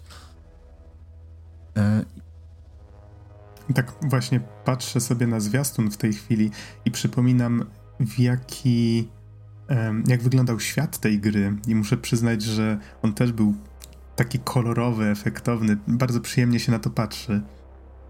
E, tak, jest, jest kolorowy, efektowny, jest złożony z takich dosyć prostych kształtów, więc e, naprawdę jest prosty w odbiorze, ale niektóre widoki zapierają dech w piersi i no, nie są aż takie miłe i przyjemne, jakby się to mogło wydawać na pierwszy rzut oka. A to jest wszystko pixel art, prawda? Tak, wszystko to jest bardzo ładny pixel art, bym nawet powiedział. Mhm. A powiedz mi, co możesz więcej powiedzieć na temat mm, mechaniki? No ja tutaj już po dwóch latach pamiętam jakieś szczątkowe informacje. Tak jak wspomniałeś, gra jest mocno inspirowana Zeldą, więc jakby przeciwnicy atakują nas powiedzmy z wszystkich stron i my się, z tego co pamiętam, poruszamy po prostu lewą gałką, prawą, prawdopodobnie celujemy, tak? Czy jak to było? E, to znaczy, wiesz co, to musimy wejść w tryb celowania. Tak naprawdę, yy, jeżeli chodzi o samą walkę, to właśnie to, tak jak powiedziałeś, pojawia się dużo przeciwników przeważnie. Każdy ma jakieś tam trochę inne ruchy i musimy się ich po prostu dobrze nauczyć. I na początku do dyspozycji mamy tylko miecz. Taki miecz energetyczny, którym po prostu ciachamy przeciwników oraz mamy jeszcze dafę, czyli takie krótkie przeskoki, które pozwalają nam unikać ciosów. Ale one też nam y, tak jakby nie blokują, nie, nie ma nieśmiertelności podczas samych skoków i to stanowi wyzwanie, w sensie walka na początku jest naprawdę wyzwaniem i wymaga od gracza zaangażowania takiego czysto mechanicznego. Dopiero później zdobywamy broń, broń palną y, i żeby też strzelać potrzebujemy po pierwsze amunicji, którą nie znajdujemy normalnie, y, normalnie w świecie, tylko atakując mieczem, powoli ona się odnawia. I żeby wycelować, musimy właśnie zatrzymać się, przycisnąć jeden ze spustów i dopiero wtedy możemy celować prawą gałką. Więc to nie robi się z tego twin stick shooter, tylko dalej musimy. Y, ta walka jest dużo bardziej taktyczna i taka y, skupiająca się na taktycznym y, pozycjonowaniu, tak naprawdę względem przeciwników. Mhm. Mm, a powiedz mi, Właśnie, bo coś tak sobie przypominam, że to trzeba było balansować właśnie między leczeniem, które wymagało chyba zatrzymania się, tak? Między właśnie tym daszowaniem między przeciwnikami. Tak jak już wspomniałeś, tej amunicji do, do pistoletu nie mogliśmy używać non-stop, tylko powiedzmy ona się zużyła, wtedy wymuszało to na nas właśnie przez jakiś czas walkę wręcz, żeby e, właśnie naładować ten pistolet. Był taki fajny balans w tym wszystkim. E, tak, właśnie.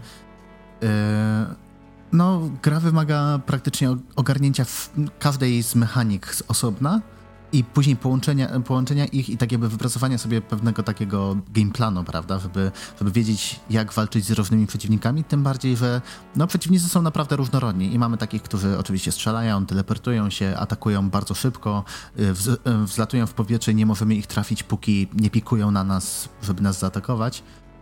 I yy, my do dyspozycji mamy praktycznie przez całą grę to samo, w sensie mamy, mamy nasz miecz oraz tam bronie palne. Oczywiście oprócz samego pistoletu yy, odblokowujemy też różne inne, które są dosyć standardowe gameplayowo powiedzmy, w sensie mamy strzelbę, która razi obszarowo przeciwników i zadaje bardzo duże obrażenia, ale mamy, ale mamy mniej amunicji.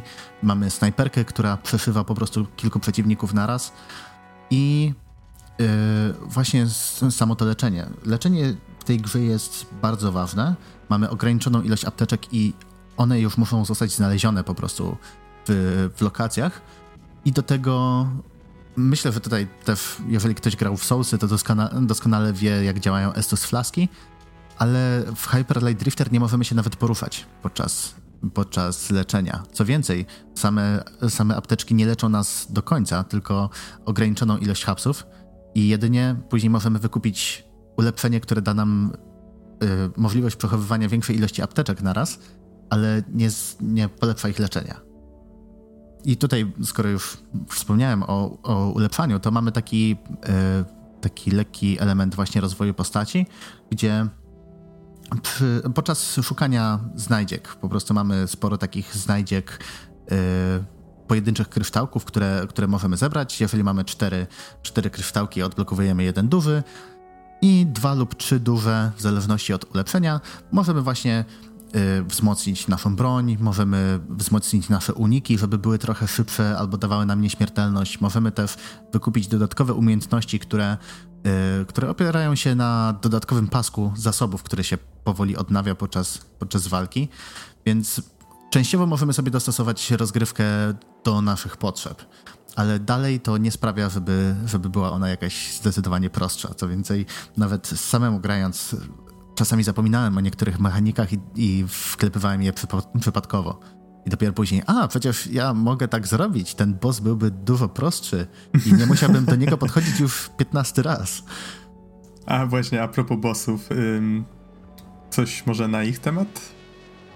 Yy, bossowie, są, e, bossowie są różnorodni, oczywiście mamy i takich mid-bossów, którzy, no powiedzmy, yy, nie wprowadzają zbyt dużo nowych mechanik, ale na pewno Y, kolejni przeciwnicy, których spotykamy na ścieżce do dużego bossa, po prostu uczą nas zachowań na, na, niektóre, na niektóre ataki. I dzięki temu, jak stajemy przed bossem, to wiemy już co robić. I same walki są naprawdę ekscytujące, w sensie są, są bardzo szybkie. Do tego musimy i dobrze wiedzieć, gdzie się, y, jak się pozycjonować względem, względem bossa. Czasami on ma jakiś tam swoich, yy, swoich popleczników, którzy, którzy nas atakują i każda z walk jest, jest inna i co więcej... Hmm, co więcej tak naprawdę mogę powiedzieć o bossach, żeby, żeby nie spoilerować zbytnio. To może już nic. A to może trzeba zostawmy. się do nich przygotować. Po trzeba prostu trzeba się przygotować. przygotować. E, to może zostawmy słuchaczom do odkrycia. A trochę więcej wydaje mi się, może powiedzmy jeszcze na temat samej oprawy, bo powiem ci, że tak sobie przypominam właśnie patrząc na tę grę i chyba to, co jest największym selling pointem, tak, czymś, co zachęca do kupienia jej, zagrania w nią, to właśnie to, jak ona wygląda i brzmi. Jest to dość spójna stylistyka, taka konsekwentna. Przywodzi trochę na myśl nawet właśnie nie jestem pewien, czy można to tak nazwać, trochę taką kolorystyką, którą dzisiaj się kojarzy głównie z latami 80., tak? Czyli właśnie takie jaskrawe kolorki, y, sporo jakiegoś takiego różu, czy, czy właśnie innych tego odmian, chociaż może tutaj nie przesadzajmy, jest też dużo innych kolorów. Ale to wszystko jest właśnie w takie, że mogłoby spokojnie robić czasami za y, okładkę jakiegoś y, jakiegoś albumu, na przykład synthwave'u. Chociaż tak, muzyka jest w zupełnie innym stylu. Y, można by było wrzucić po prostu Hyper Light Driftera jako tło do New Retro Wave czy coś takiego, tych kanałów właśnie YouTube'owych, co puszczają, puszczają takie klimaty. I rzeczywiście zgodzę się z tobą jak najbardziej, ale jeszcze y, Hyper Light Drifter bardzo dobrze balansuje zarówno właśnie te takie żywe, właśnie jakieś tam róże, fiolety, y, takie bardzo żywe kolory i bardzo żywe środowiska, i z takimi, które są bardziej mroczne, ciemne, takie wzbudzające niepokój. Naprawdę muszę przyznać, że, że tutaj gra bardzo dobrze mm, stara się wypośrodkować to i jeżeli ma być ciężko i, y, i mrocznie, to nie tylko muzyką nas zaskoczy, ale też, też wizualnie. A muzyka trzyma prześwietnie klimat to nie jest jeden z tych ostów, który po prostu będzie się wynał w mózg i będziemy go słuchać non-stop i, i zapamiętamy po prostu, będziemy potrafili zanucić.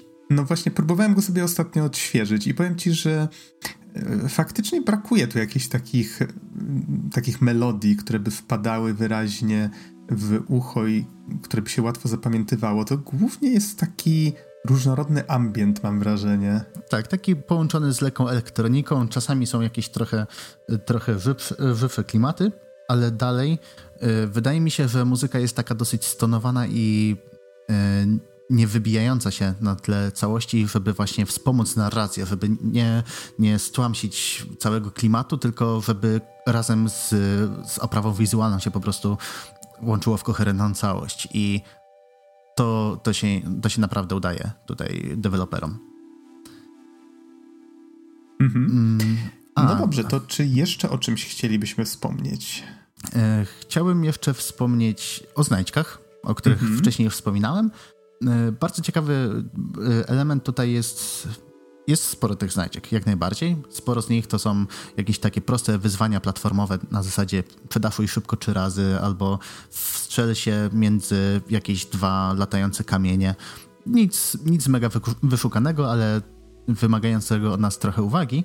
Ale przede wszystkim praktycznie każda znajdźka dodatkowa jest oznaczona symbolem, takim, takim specjalnym kwadracikiem. I rzeczywiście, jak grałem, tam pierwsza znajdźka, pierw, pierwsze dwie znajdźki to było takie, o, dobra, tutaj mi podpowiadała intuicja, żeby pójść. A później zacząłem się przyglądać i takie, a, okej, okay, widzę tutaj kwadracik, to znaczy, że jeżeli stanę tutaj i coś zrobię, to, to odkryję nową ścieżkę. I rzeczywiście przez całą grę konsekwentnie jest to używane, ale jest yy, na tyle subtelne? Na tyle subtelne, tak. Właśnie jest na tyle subtelne, żeby nie rzucało się od razu w oczy, ale jak jesteśmy na to wyczuleni, to no to pomaga po prostu dokończyć grę na spokojnie i, i znaleźć znajdźki. Oprócz takich zwykłych, które służą do, do ulepszania, mamy też jeszcze parę innych, które zdradzają nam trochę więcej o świecie, ale tutaj naprawdę zachęcam do skończenia najpierw gry, a później nawet najpierw przede wszystkim skończyć grę, a później ewentualnie albo poszukać samemu, albo poczytać na internetach po prostu wszystkie wskazówki i interpretacje. Mhm. A propos tego, bo to mnie ciekawi właśnie jako osoby, która nie dobrnęła jeszcze do końca. Powiedz mi, czy faktycznie warto grać w tę grę tylko dla, dla fabuły, dla tego klimatu? Według ciebie? E, wiesz co, myślę, że tak. To jest no, dosyć nietypowe właśnie takie, nietypowy zabieg narracyjny, prawda, żeby zupełnie pozbawić grę e, wszelkich dialogów i skupić się na budowaniu klimatu audiowizualnie. E, I choćby, tak, dlatego warto zagrać w tą grę, nawet jeżeli e, może nie jesteśmy mega zwolennikami same, samej mechaniki. Mhm, czyli tak już ostatnie pytanie ode mnie i możesz przechodzić miało do podsumowania. Komu właściwie byś polecił Hyper Light Drifter? Wiesz co, to może po prostu zamknę to w podsumowaniu. tak naprawdę. Okay, Chyba, okay. że masz jeszcze jakieś pytania. O, wiem. Y, ja bym chciał mhm. jeszcze wspomnieć o tym, y, bo właśnie tam dwa lata temu grałem, grałem na PC-cie ale teraz jak grałem na Switchu, to były pojedyncze miejsca, gdzie było albo bardzo dużo y, efektów cząsteczkowych, albo przeciwników i po prostu zdarzyło się parę razy chrupnąć animacji do tego stopnia, że rzeczywiście zginąłem, y, kilkukrotnie zginąłem i to nie jest zbyt przyjemne i mam nadzieję, że to spaczują po prostu. Prędzej no, czy ginięcie później. z reguły nie jest dość przyjemne, ale... No, to znaczy... Ja już pójdę. Nie, to, to jak najbardziej, nie? Ale właśnie jak zdajemy sobie sprawę z tego, że to nie jest nasza wina, tylko wina słabej optymalizacji, to wtedy jest już po prostu zniechęca. No tak, tak, rozumiem jak najbardziej. Więc tutaj uważać, ale jeżeli chcecie właśnie ograć na, na Playu czy, czy na PC, to tam chyba, chyba nie powinno być problemów. ja tutaj po dwóch, lat, po dwóch latach już zbyt wiele od siebie w tym temacie dodać nie mogę.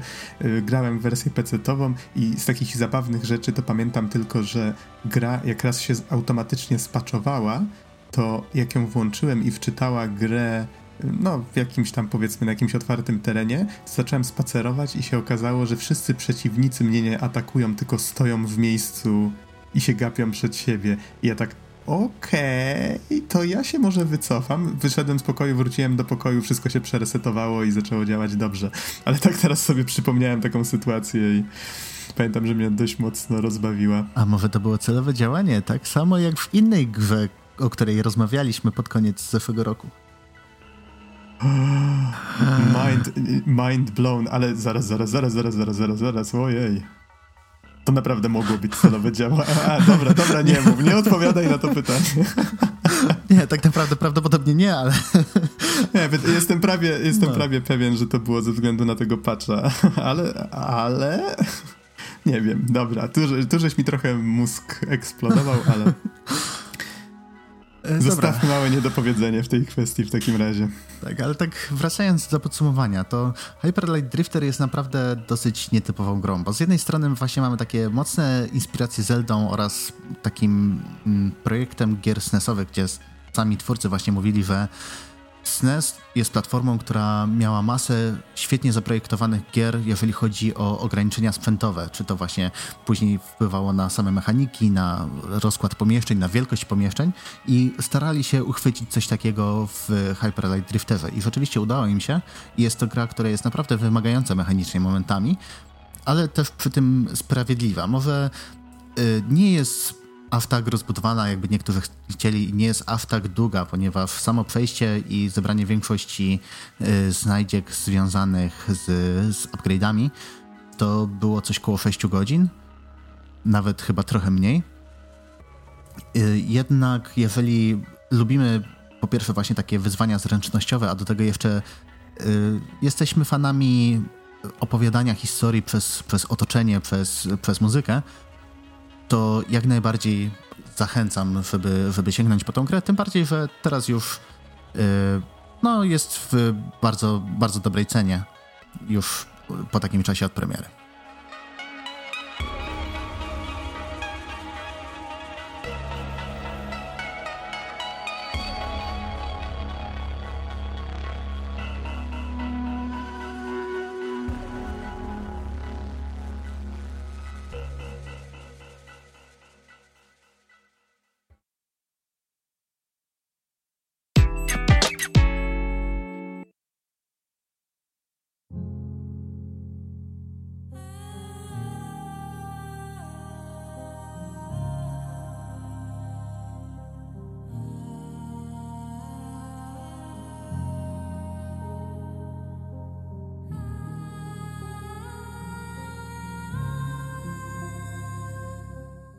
Wirtualnym studiu jest teraz ze mną Marcin Easy Kołodziej. Hej, hej. A mówi Adam Noxa 15 Dębski. Nagrywamy w czwartek 31 stycznia 2019 i Easy zrecenzuje teraz, teraz grę, która, jeżeli słuchaliście naszego rozdania Złotych Grzybków, to jest grom roku Easy'ego. Nazywa się Gris. I no ciekaw jestem, Easy, co powiesz nam na, na temat tej gry. Ja miałem sam okazję ją przejść bardzo niedawno, to chyba było przedwczoraj, czy wczoraj, już, już nie pamiętam, ale... Chyba no, jakoś wczoraj pisało, chociaż... No, chyba przedwczoraj, załóżmy, że, że bardzo niedawno. Ym, I mam nadzieję, że trochę dorzucę też od siebie w trakcie tej recenzji. Może zacznijmy od tego... Y, jakieś może podaj informacje encyklopedyczne, kto wydał Gris, gdzie można w to zagrać? Dobrze, to ogólnie Gris jest y, grą od studia Nomada Studio, to jest małe hiszpańskie studio, które ma siedzibę w Barcelonie. Y, wydane przez Devolver Digital, więc jednego z największych wydawców, y, największych wydawców indie giereczek na Nintendo Switch oraz PC Windowsowe i Macowe. I ja osobiście ogrywałem na, na Switchu, tam spokojnie w e-shopie można kupić. Fizycznego wydania nie ma i raczej nie będzie, chyba że Limited Run coś się postara. A ty, Nox, na czym grałeś? Ja grałem w wersję PC-tową y, kupioną na Gogu. A, tak, więc na pewno jest na Google, na pewno jest na Steamie i pewnie gdzieś jeszcze się znajdzie tak naprawdę w cyfrowej dystrybucji. Mhm. A z tym Limited Run to wydaje mi się, że to jest bardzo prawdopodobne, bo teraz to właściwie co drugi indyk, który nazwijmy to przyjął się, tak? E, raczej trafia tam prędzej czy później. Prawda. W sumie ja mam nadzieję, że, że muzyka wyjdzie na winylach jakoś bardzo ładnych i mm -hmm. pewnie wtedy sysnę. No y, i ogólnie Gris tak naprawdę jest y, platformówką, jest prostą platformówką tak naprawdę. Y, I co więcej mogę powiedzieć? Bardzo ładnie to określam arcy-farcy platformer, platformer experience, bo to tak naprawdę jest trochę takie trochę takie bardziej doświadczenie, w sensie strasznie, strasznie kojarzy się z Journey, jeżeli chodzi o tak naprawdę sposób ogrywania. Mhm, tutaj nawet bym powiedział, że ten platformer to jest tak naprawdę tylko sposób, żeby opowiedzieć historię, a nie jakby cel sam w sobie, czyli jakby ten język gier jest tu wykorzystywany mm, do pewnego stopnia, ale to może nie będę wyprzedzał faktów. Um, powiedz, jakiego rodzaju jest to doświadczenie? No, może zacznę w ten sposób, że raczej nie gra nie porusza przyja- przyjemnych tematów, tak? Potrafi być bardzo przyjemna wizualnie, ale tematyka jest raczej smutna. E, tak, właśnie tak naprawdę Gris opowiada e, historię właśnie tytułowej bohaterki, e, która przeżywa traumę, która przeżywa stratę i teraz tak jakby musi się, musi się zebrać w sobie i musi się z tym wszystkim tak jakby pogodzić. I właśnie tutaj też mamy znaczący tytuł, bo Gris to z hiszpańskiego znaczy szary i rzeczywiście na samym początku trafimy do świata, który jest pozbawiony wszelkich kolorów, który jest pozbawiony szczegółów, który jest też pozbawiony głosu głównej bohaterki. I, yy, i właśnie tutaj bardzo, bardzo dobrze powiedziałeś, że gra yy, wywołuje szereg emocji tak naprawdę i rzeczywiście tak jak wizualnie i, i muzycznie jest przepiękna, tak jednak no jest to dosyć taka no to jest smutna historia, no. Nie oszukujmy się. I co warto tutaj jeszcze nadmienić, że y, to jest y, historia opowiedziana, opowiedziana zupełnie bez słów, więc tak naprawdę y, tak naprawdę tak jakby mm, całkiem mamy trochę pole do popisu, jeżeli chodzi o, o interpretację, chociaż i to tak najlepiej podchodzić, podchodzić do gry z takim konkretnym mindsetem, co, co ta gra chce przekazać tak naprawdę. Rzeczywiście, nie wczytując się w to zbytnio, tak jak E, tak jak e, ja zaczynałem przygodę z tą grą, to właśnie tak gadałem z koleżanką i właśnie tam zaczynamy analizować pewne takie elementy, że na początku jest właśnie świat pozbawiony kolorów. Wraz z postępami w grze odblokowujemy kolejne kolory i tak analizowaliśmy czy to mechaniki, czy to, czy to dźwięki, czy to właśnie warstwę wizualną i rzeczywiście to, to było bardzo fajne takie uzupełnienie właśnie całej tej historii. Mhm. Tutaj warto zaznaczyć, że tych mechanik na początku jest bardzo mało, to znaczy praktycznie nie ma ich wcale. To pierwsze chyba 40 minut, może pół godziny gry to jest poruszanie się no, właściwie w jednym kierunku, podziwianie pięknych, ale raczej pustych krajobrazów. Właściwie ten minimalizm na początku jest aż taki do przesady. Tak jest taki wręcz, dosłowny strasznie. Dosłowny i powiedziałbym wręcz, że nawet trochę nudny może się wydać wielu osobom. Um, to znaczy, ale co, może celowy. nie powiedziałbym, że jest mm -hmm. nudny, tylko jest taki przytłaczający wręcz. Tak, tak, na pewno jest to zabieg celowy, natomiast, um, natomiast wydaje mi się, że warto nadmienić, że ta gra z czasem i, i otoczenie, które zwiedzamy, ono staje się bogatsze, ciekawsze w, właśnie w szczegóły i więcej się dzieje, tych mechanik zaczyna, mm, one zaczynają się pojawiać, kolejne właśnie możliwości, jakie, jakie mamy. One są też tak fajnie zaprojektowane, że je też można interpretować w jakiś sposób, że to, że bohaterka nagle może zrobić jakąś konkretną rzecz, też jest pewnym. Pewnym sposobem radzenia sobie właśnie z tym, przez co przechodzi. Więc to, to jest bardzo fajne, że wszystko, co w tej grze jest, wszystko, co się w niej pojawia, można w jakiś sposób interpretować i sobie dopowiadać do tego coś, co to znaczy, jakieś właśnie znaczenie. Mhm, dokładnie. Jeszcze tutaj, yy, tak żeby rozjaśnić sytuację, bo właśnie rzeczywiście pojawiają się nowe szczegóły, yy, czy to w otoczeniu, czy to właśnie odblokowujemy kolejne mechaniki, jednak to jest taki, to jest liniowy platformer. E, niby są jakieś tam pojedyncze pomieszczenia, gdzie możemy zejść z trasy, żeby, żeby po prostu zgarnąć znajdźkę, ale tak naprawdę to jest, to jest liniowe doświadczenie. Właśnie tak jakoś, jak zacząłeś opowiadać o tych nowych mechanikach, to tak, jako że ostatnio znowu gram w... inaczej, zacząłem grać w Metroidvania, to tak, o nie, to tutaj trzeba rozjaśnić, to nie jest Metroidvania. tak, właśnie jak grałem, to...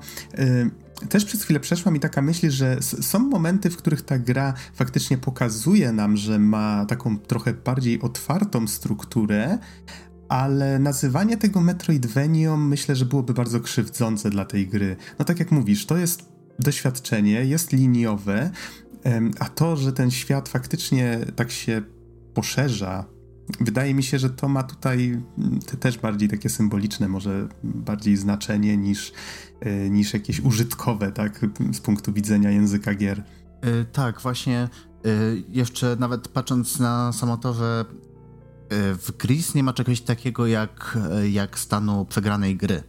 I to, tam, to też twórcy zaznaczają to w, w opisie praktycznie na każdej platformie, że w tej grze nie da się przegrać. To ma być głównie doświadczenie i tak jakby y, język gier jest użyty tylko po to, żeby właśnie zaakcentować niektóre, niektóre elementy i żeby w jakiejś takiej powiedzmy bardziej atrakcyjnej formie przekazać, przekazać historię.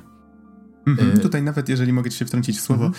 y myślałem sobie, że to jest taka idealna gra do tego, żeby sobie odpocząć. Y czyli nie ma właśnie, nie musimy się obawiać, że przegramy. Przez większość czasu właściwie i to otoczenie, które zwiedzamy, i muzyka, która mu towarzyszy, to wszystko jest takie wręcz kojące. Zdarzają się oczywiście takie bardziej emocjonujące momenty, ale to jest raczej takie. One są tak dodane bardziej subtelnie, to może złe słowo, ale nie, nie, one stanowią tutaj główne danie, tak? Całość gry jest na tyle spokojna, że fa faktycznie można, można się tak jakoś wyciszyć grając w nią? Wydaje mi się, że o, to, tak, to by było tak, dobre to, określenie. Dokładnie. I to, co też działa trochę na plus, yy, w sumie i na plus, i na minus. Yy, Gris jest to, że ta gra nie jest długa, prawda? I to jest takie fajne, w miarę krótkie doświadczenie, które rzeczywiście tam zajmuje parę godzinek i yy, właśnie to, to jest bardzo na plus, że to jest pełna historia opowiedziana właśnie w taki, tak dosyć zwięźle jednak i dzięki temu y, rzeczywiście tak przerzucając się między różnymi grami akcji i gdzieś tam wciskając gris po drodze, możemy sobie odpocząć od tego wszystkiego, od tych wszystkich rozpraszaczy, od wszystkich wybuchów na ekranach i po prostu zanurzyć się w tym to też wymaga odpowiedniego takiego mindsetu, prawda? Tak, tak, to prawda, bo ja ostatnio na przykład właśnie przechodziłem, czy właściwie nadal przechodzę Rezydenta dwójkę i takie włączanie gry zaraz po takich grach niekoniecznie musi być dobrym pomysłem, bo przyznam szczerze, ja od Gris tak się momentalnie, znaczy momentalnie, pograłem pierwsze pół godziny czy 40 minut i to pierwsze spotkanie było raczej takie, że ja wiedziałem, że to jest tego typu gra, ale nie do końca, że będzie właśnie aż tak spokojna, yy, czy właściwie aż tak minimalistyczna. Od tego początku trochę się odbiłem i dopiero powiedzmy dzień czy dwa później, jak już dokładnie wiedziałem, do czego wracam, to czerpałem z tego większą przyjemność. Tak jak wspomniałeś, gra nie jest długa, mnie zajęła jakieś 3 godziny z hakiem. Ty mówiłeś, że tobie zajęła 4, ale chyba zdobyłeś wszystkie znajdźki, tak? Tak jest. Co prawda tam trofików y, samych nie zdobywałem, ale skupiłem się na znajdźkach. I y, a właśnie, a propos mhm. tych znajdziek, przepraszam jeszcze, że ci przerwę, czy warto je zdobywać? Czy faktycznie jest jakaś taka namacalna nagroda za nie? Y, to znaczy jest dodatkowe pomieszczenie i jest dodatkowa scenka, ale to znaczy, dla mnie to było takie. Ja strasznie lubię lizać ściany i też te znajdźki były w takich miejscach porozstawiane, że rzeczywiście fajnie, fajnie bawiły się mechaniką gry i językiem gier, więc no ja po prostu z marszu zebrałem. Ale te, tak, te, sam te, nie wiem, czy bym wracał. Mhm. Te, co zebrałem sam, to e, to faktycznie były dość ciekawie poukrywane. No, przy czym ty, co mnie zdziwiło, e, wszystko znalazłeś za pierwszym podejściem, co jest w ogóle Jakieś fenomenalne. Y, no, ale właśnie nie, niektóre były takie, że sam się zdziwiłem właśnie. Jest, yy, tak jakby podziwiając yy, całą oprawę wizualną, tak skakałem sobie tam w pewnym momencie, skacze się po takich grzybkach jak się skacze po nich, to tak jakby one trochę falują, jak się na nie skoczy. I tak tak skaczę raz, skaczę drugi raz i później sobie tak myślę, ej, a co gdyby tutaj użyć jednej umiejętności, że takie stąpnięcie? I okazuje się, że falują bardziej. I takie, o wow, ale super. Ej, tam jest grzybek z jednej strony gdzieś daleko wysunięty i z niego się nie da nigdzie skoczyć. Czy można tam coś zrobić? Bum, znajdźka. tak, w ogóle e, fajnie, że poruszy, poruszyłeś ten temat, bo podoba mi się w jaki sposób twórcy tutaj czasami wrzucają jakieś takie drobne elementy e, w środowisku, które nie mają teoretycznie żadnego znaczenia, ale są po prostu fajne i, i, sprawiają przyjemność, jak się je odkryje. To znaczy, na przykład jakieś takie małe zwierzątka, które gdzieś tam się chowają pod ziemię, i na przykład jak zrobimy to stąpnięcie, to słyszymy nagle takie drobne i, i, i tak jakby próbowały wyskoczyć z ziemi, ale szybko chowają się znowu. No, nie chcę za dużo przykładów podawać, ale jest to kilka takich fajnych szczegółów, które sprawiają sporo radości, jak się na nie trafi. Y, jeszcze bym wrócił na chwilę y, do, do tej mechaniki, y, bo właśnie tak mówiłeś, że trochę, trochę cię odwróciła ta gra, jak wszedłeś z High Octane Action Oj, wa tak. właśnie do Gris. To tutaj też ta gra może nie trafić do wszystkich, bo po pierwsze, tak jak mówimy, tutaj nie ma zbyt wiele akcji, ale właśnie przez przez y, ten, tą świadomość i fakt braku, braku przegranej, no po prostu może nużyć, bo to ta gra nie ma stanowić wyzwania na takim poziomie mechaniki. Mhm, przy czym I... uspokajam, że już po tym po tej jednej czwartej, dajmy na to, faktycznie gra trochę przyspiesza, jest ciekawiej, te nowe mechaniki dużo zmieniają, środowisko jest dużo ciekawsze i, i tak jak mówię, ja zdaję sobie sprawę, że to ten minimalizm początkowy, on jest w pełni zamierzony i on też ma coś symbolizować, ale może tak wyobrażam sobie, że on może działać trochę na niekorzyść faktycznie niektórzy mogą się niesłusznie odbić od tego początku. Więc warto pograć trochę dłużej, zwłaszcza, że gra nie jest długa. No, warto, warto ją przejść w całości, może nawet na jedno posiedzenie. No, jedno, dwa posiedzenia, to, to myślę, że to jest tak, tak e, w miarę. I właśnie tak jakby to, że ta gra... Yy no, te poziomy nie są długie, prawda? I tak jak mówimy, z każdym poziomem, z, z, postępami pojawiają się nowe mechaniki, to niestety pojawiają się też takie, które są dosłownie przez jeden, dwa ekrany i, i są po prostu porzucane.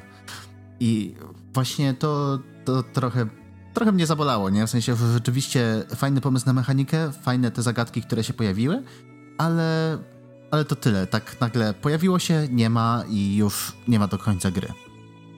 Mhm. Ale to może teraz poruszmy trochę inny bardzo ważny temat, czyli właśnie wspominaliśmy o tym, że gra ładnie wygląda, że ładnie brzmi. To może powiedz trochę więcej, e, co, co, w tym temacie właśnie ciekawego znalazłeś. E, tak, właśnie e, to, co tak naprawdę przykuło moją uwagę i to, co przez co stwierdziłem, że muszę zagrać. Jak tylko zobaczyłem trailer, jak e, chyba na E3, e, nie na E3, tylko na Nintendo Direct jak y, pokazano trailer Chris i zobaczyłem te animacje, posłuchałem chwilę muzyki, to było takie muszę to zobaczyć w akcji i muszę się przekonać, czy to rzeczywiście w ruchu, tak jakby w normalnej grze wygląda tak samo jak w scenkach na, na trailerze i o Boże, nie zawiodłem się, nie? Naprawdę gra jest przepiękna. Mamy takie mm, y, całość utrzymana w takich w akwarelach tak naprawdę. Rzeczywiście tutaj, tak jak pojawiają się no, te nowe kolory, to są prawie, prawie jak takie spadające y, krople y, właśnie farby akwarelowej na papier i on zaczyna tak nasiąkać tą farbą i pojawiają się nowe elementy, nowe szczegóły i to wszystko żyje. To jest fajne, że mgła właśnie wygląda jak takie kapnięcie mokrej farby na papier, prawda? To takie, tak, takie tak. chmurki właśnie tej mgły. Tak, właśnie tutaj wszystko jest utrzymane w takiej, w takiej stylistyce i tutaj rzeczywiście e, dyrektor kreatywny e, Konrad Roset, do którego linkujemy, do którego Instagrama linkujemy, bo jest, jest naprawdę bardzo dobry, e, no odwalił świetną robotę i co więcej właśnie to nawet nie tyle, że wygląda bardzo dobrze na screenach jakieś pojedyncze sceny, ale to też świetnie wygląda w ruchu. Co prawda może to też nie jest tak jakby sama Gris na przykład nie jest aż tak mocno yy, animowana, w sensie nie ma aż tylu szczegółów, ale za to wszystkie aspekty animacji, nie? Właśnie e, jak wyglądają te umiejętności, które zdobywamy, jak ona się porusza, jak się przewraca, jak skacze, jak powiewa właśnie ta, ta jej taka fata, to wygląda świetnie, tym bardziej jak mamy jak mamy całe otoczenie, które też jest piękne i jest animowane tam na wielu warstwach, po prostu wszystko jest animowane, kwiaty, które się poruszają, pojedyncze świetliki, właśnie stworki, y, stworki biegające po podłodze. Wygląda po prostu fenomenalnie, fenomenalnie wyglądająca gra. I tutaj od razu mówię, jako wygrała na Nintendo Switchu, to też, to też y, z połowy gry minimum grałem na handheld mode. I Polecam jednak zagrać na dużym ekranie, bo po pierwsze więcej szczegółów możemy dostrzec, tak naprawdę, ale też no ta gra była projektowana po prostu pod duże ekrany i bywały jakieś takie pojedyncze, pojedyncze poziomy, gdzie kamera odjeżdżała, pokazywała właśnie ogrom lokacji i co tam się dzieje gdzieś 10 planów dalej, ale to też sprawiało, że no, spra sprawiało lekkie trudności w, samym, w samej nawigacji i skakaniu po platformach. Mhm, w trybie e, kieszonkowym konsoli, tak? tak? Handheldowym. Mhm. No ja akurat na monitorze grając nie miałem mm, takich problemów, chociaż przyznaję, faktycznie postać czasami jest bardzo malutka. E, z tym, co mówiłem, że z, e, żebyś się pochwalił tym, co znalazłeś, to właśnie ten Instagram e, Konrada Roseta i jeszcze widzę, że znalazłeś mm, Bandcampa kompozytora, tak? Tak, tak. To jest właśnie zespół, Berlinist się nazywają i właśnie aranżacje do Gris są przepiękne i i po prostu tak jakby jest pełna synergia między, między warstwą wizualną i, i muzyczną. W sensie mamy spokojne takie, spokojne kawałki, które podkreślają czy to właśnie jakiś taki spokój, smutek, czy coś. Mamy też dużo bardziej dynamiczne sekwencje i wtedy też muzyka, głównie oparta na instrumentach smyczkowych, yy, też daje radę i właśnie jeżeli chodzi o oprawę audiowizualną, to Gris według mnie jest jedną z to znaczy, dostała złote, dostało złotego grzybka ode mnie.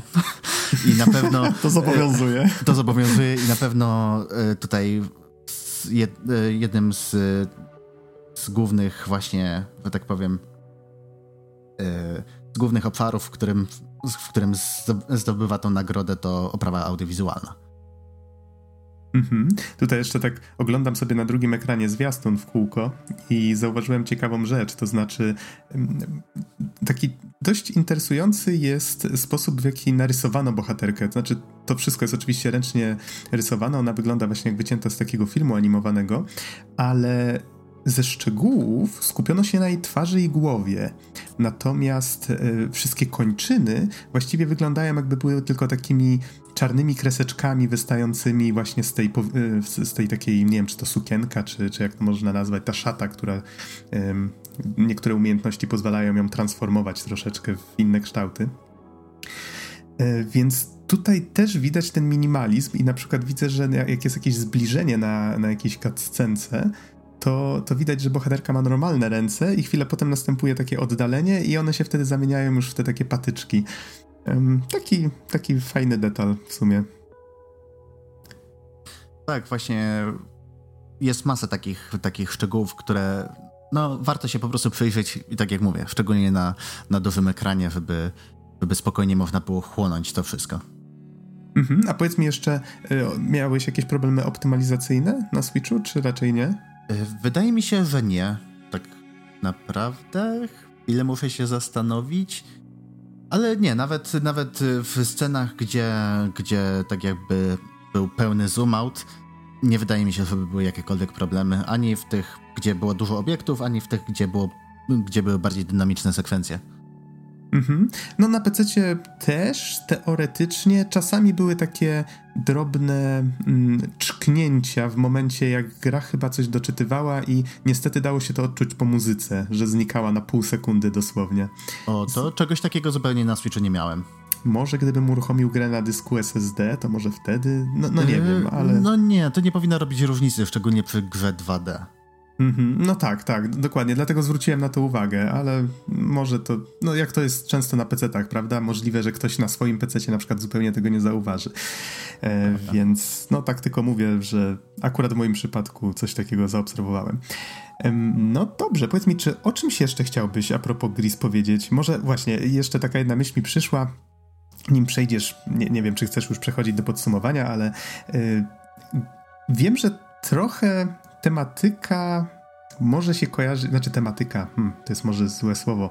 Niemniej zmierzam do tego, że y, wspominałem bardzo dużo dobrego na temat Celest, zresztą swojego złotego grzybka wręczyłem właśnie tamtej grze z zeszłego roku.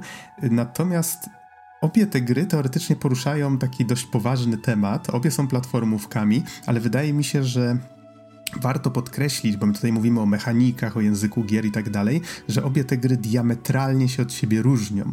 Że jednak Celest y, mechanicznie, gdyby zabrać z niej właśnie tą głębię, no to okej, okay, to nadal byłaby dobra gra, chociaż faktycznie już nie byłaby tym, czym jest, e, po prostu byłaby czymś bardziej podobnym do Super Meat Boya. Natomiast tutaj wydaje mi się, że wszystko jest tak ze sobą połączone ściśle, że no właściwie ten platformer, on by się nie obronił sam bez, bez tej otoczki całej i właśnie tej, tej możliwości interpretacji tego, co, czego doświadczamy. Jak sądzisz? Tak, właśnie y, tak jakby ten minimalizm, który idzie zarówno w warstwie y, tej, tej narracyjnej, jak i, jak i mechanicznej, właśnie to jest takie kompletne dzieło. Po prostu nie możemy tego, tego rozdzielić, bo rzeczywiście tak jak czasami się mówi, że to jest coś więcej niż suma poszczególnych części. I rzeczywiście w Gris Gris jest czymś takim. To jest od A do Z zaplanowane dzieło, nie ma miejsca na jakieś dodatkowe elementy, ale też nie możemy uciąć niczego, co już jest, bo wtedy na tym całość by straciła.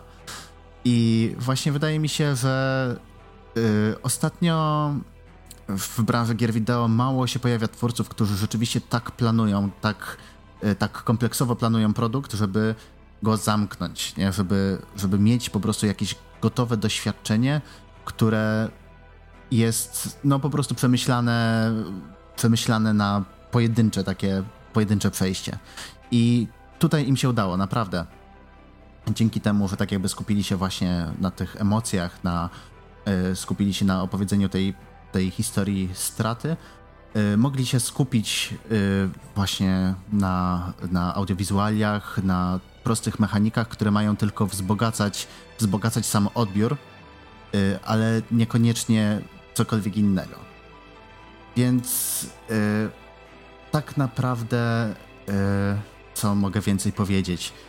No, po prostu polecam Gris. Jeżeli lubiliście Journey albo właśnie inne gry tego typu, tylko że chcecie zobaczyć coś w 2D, coś, co wygląda po prostu niesamowicie i brzmi równie dobrze, do tego jest taką krótką, kompletną, zwięzłą paczką, która nie zajmie wam dużo czasu. To jest fajna giereczka właśnie, żeby sobie odpocząć od, od innych produkcji albo po prostu przysiąść spokojnie jeden lub, lub dwa wieczory, przeżyć po prostu tą, tą podróż, odczuć te wszystkie emocje, zobaczyć, po prostu przeżyć tą historię. Yy, która no, nie stanowi wyzwania, przez co też może znużyć, ale dlatego polecam po prostu podejść z takim odpowiednim mindsetem, nastawić się na to, jak to będzie wyglądało. To, to po prostu polecam. Cztery godziny, jak najbardziej świetnie się bawiłem, a do tego jeszcze gra też nie jest droga. Kosztuje coś około 60 zł, więc nic tylko brać, grać i doświadczać.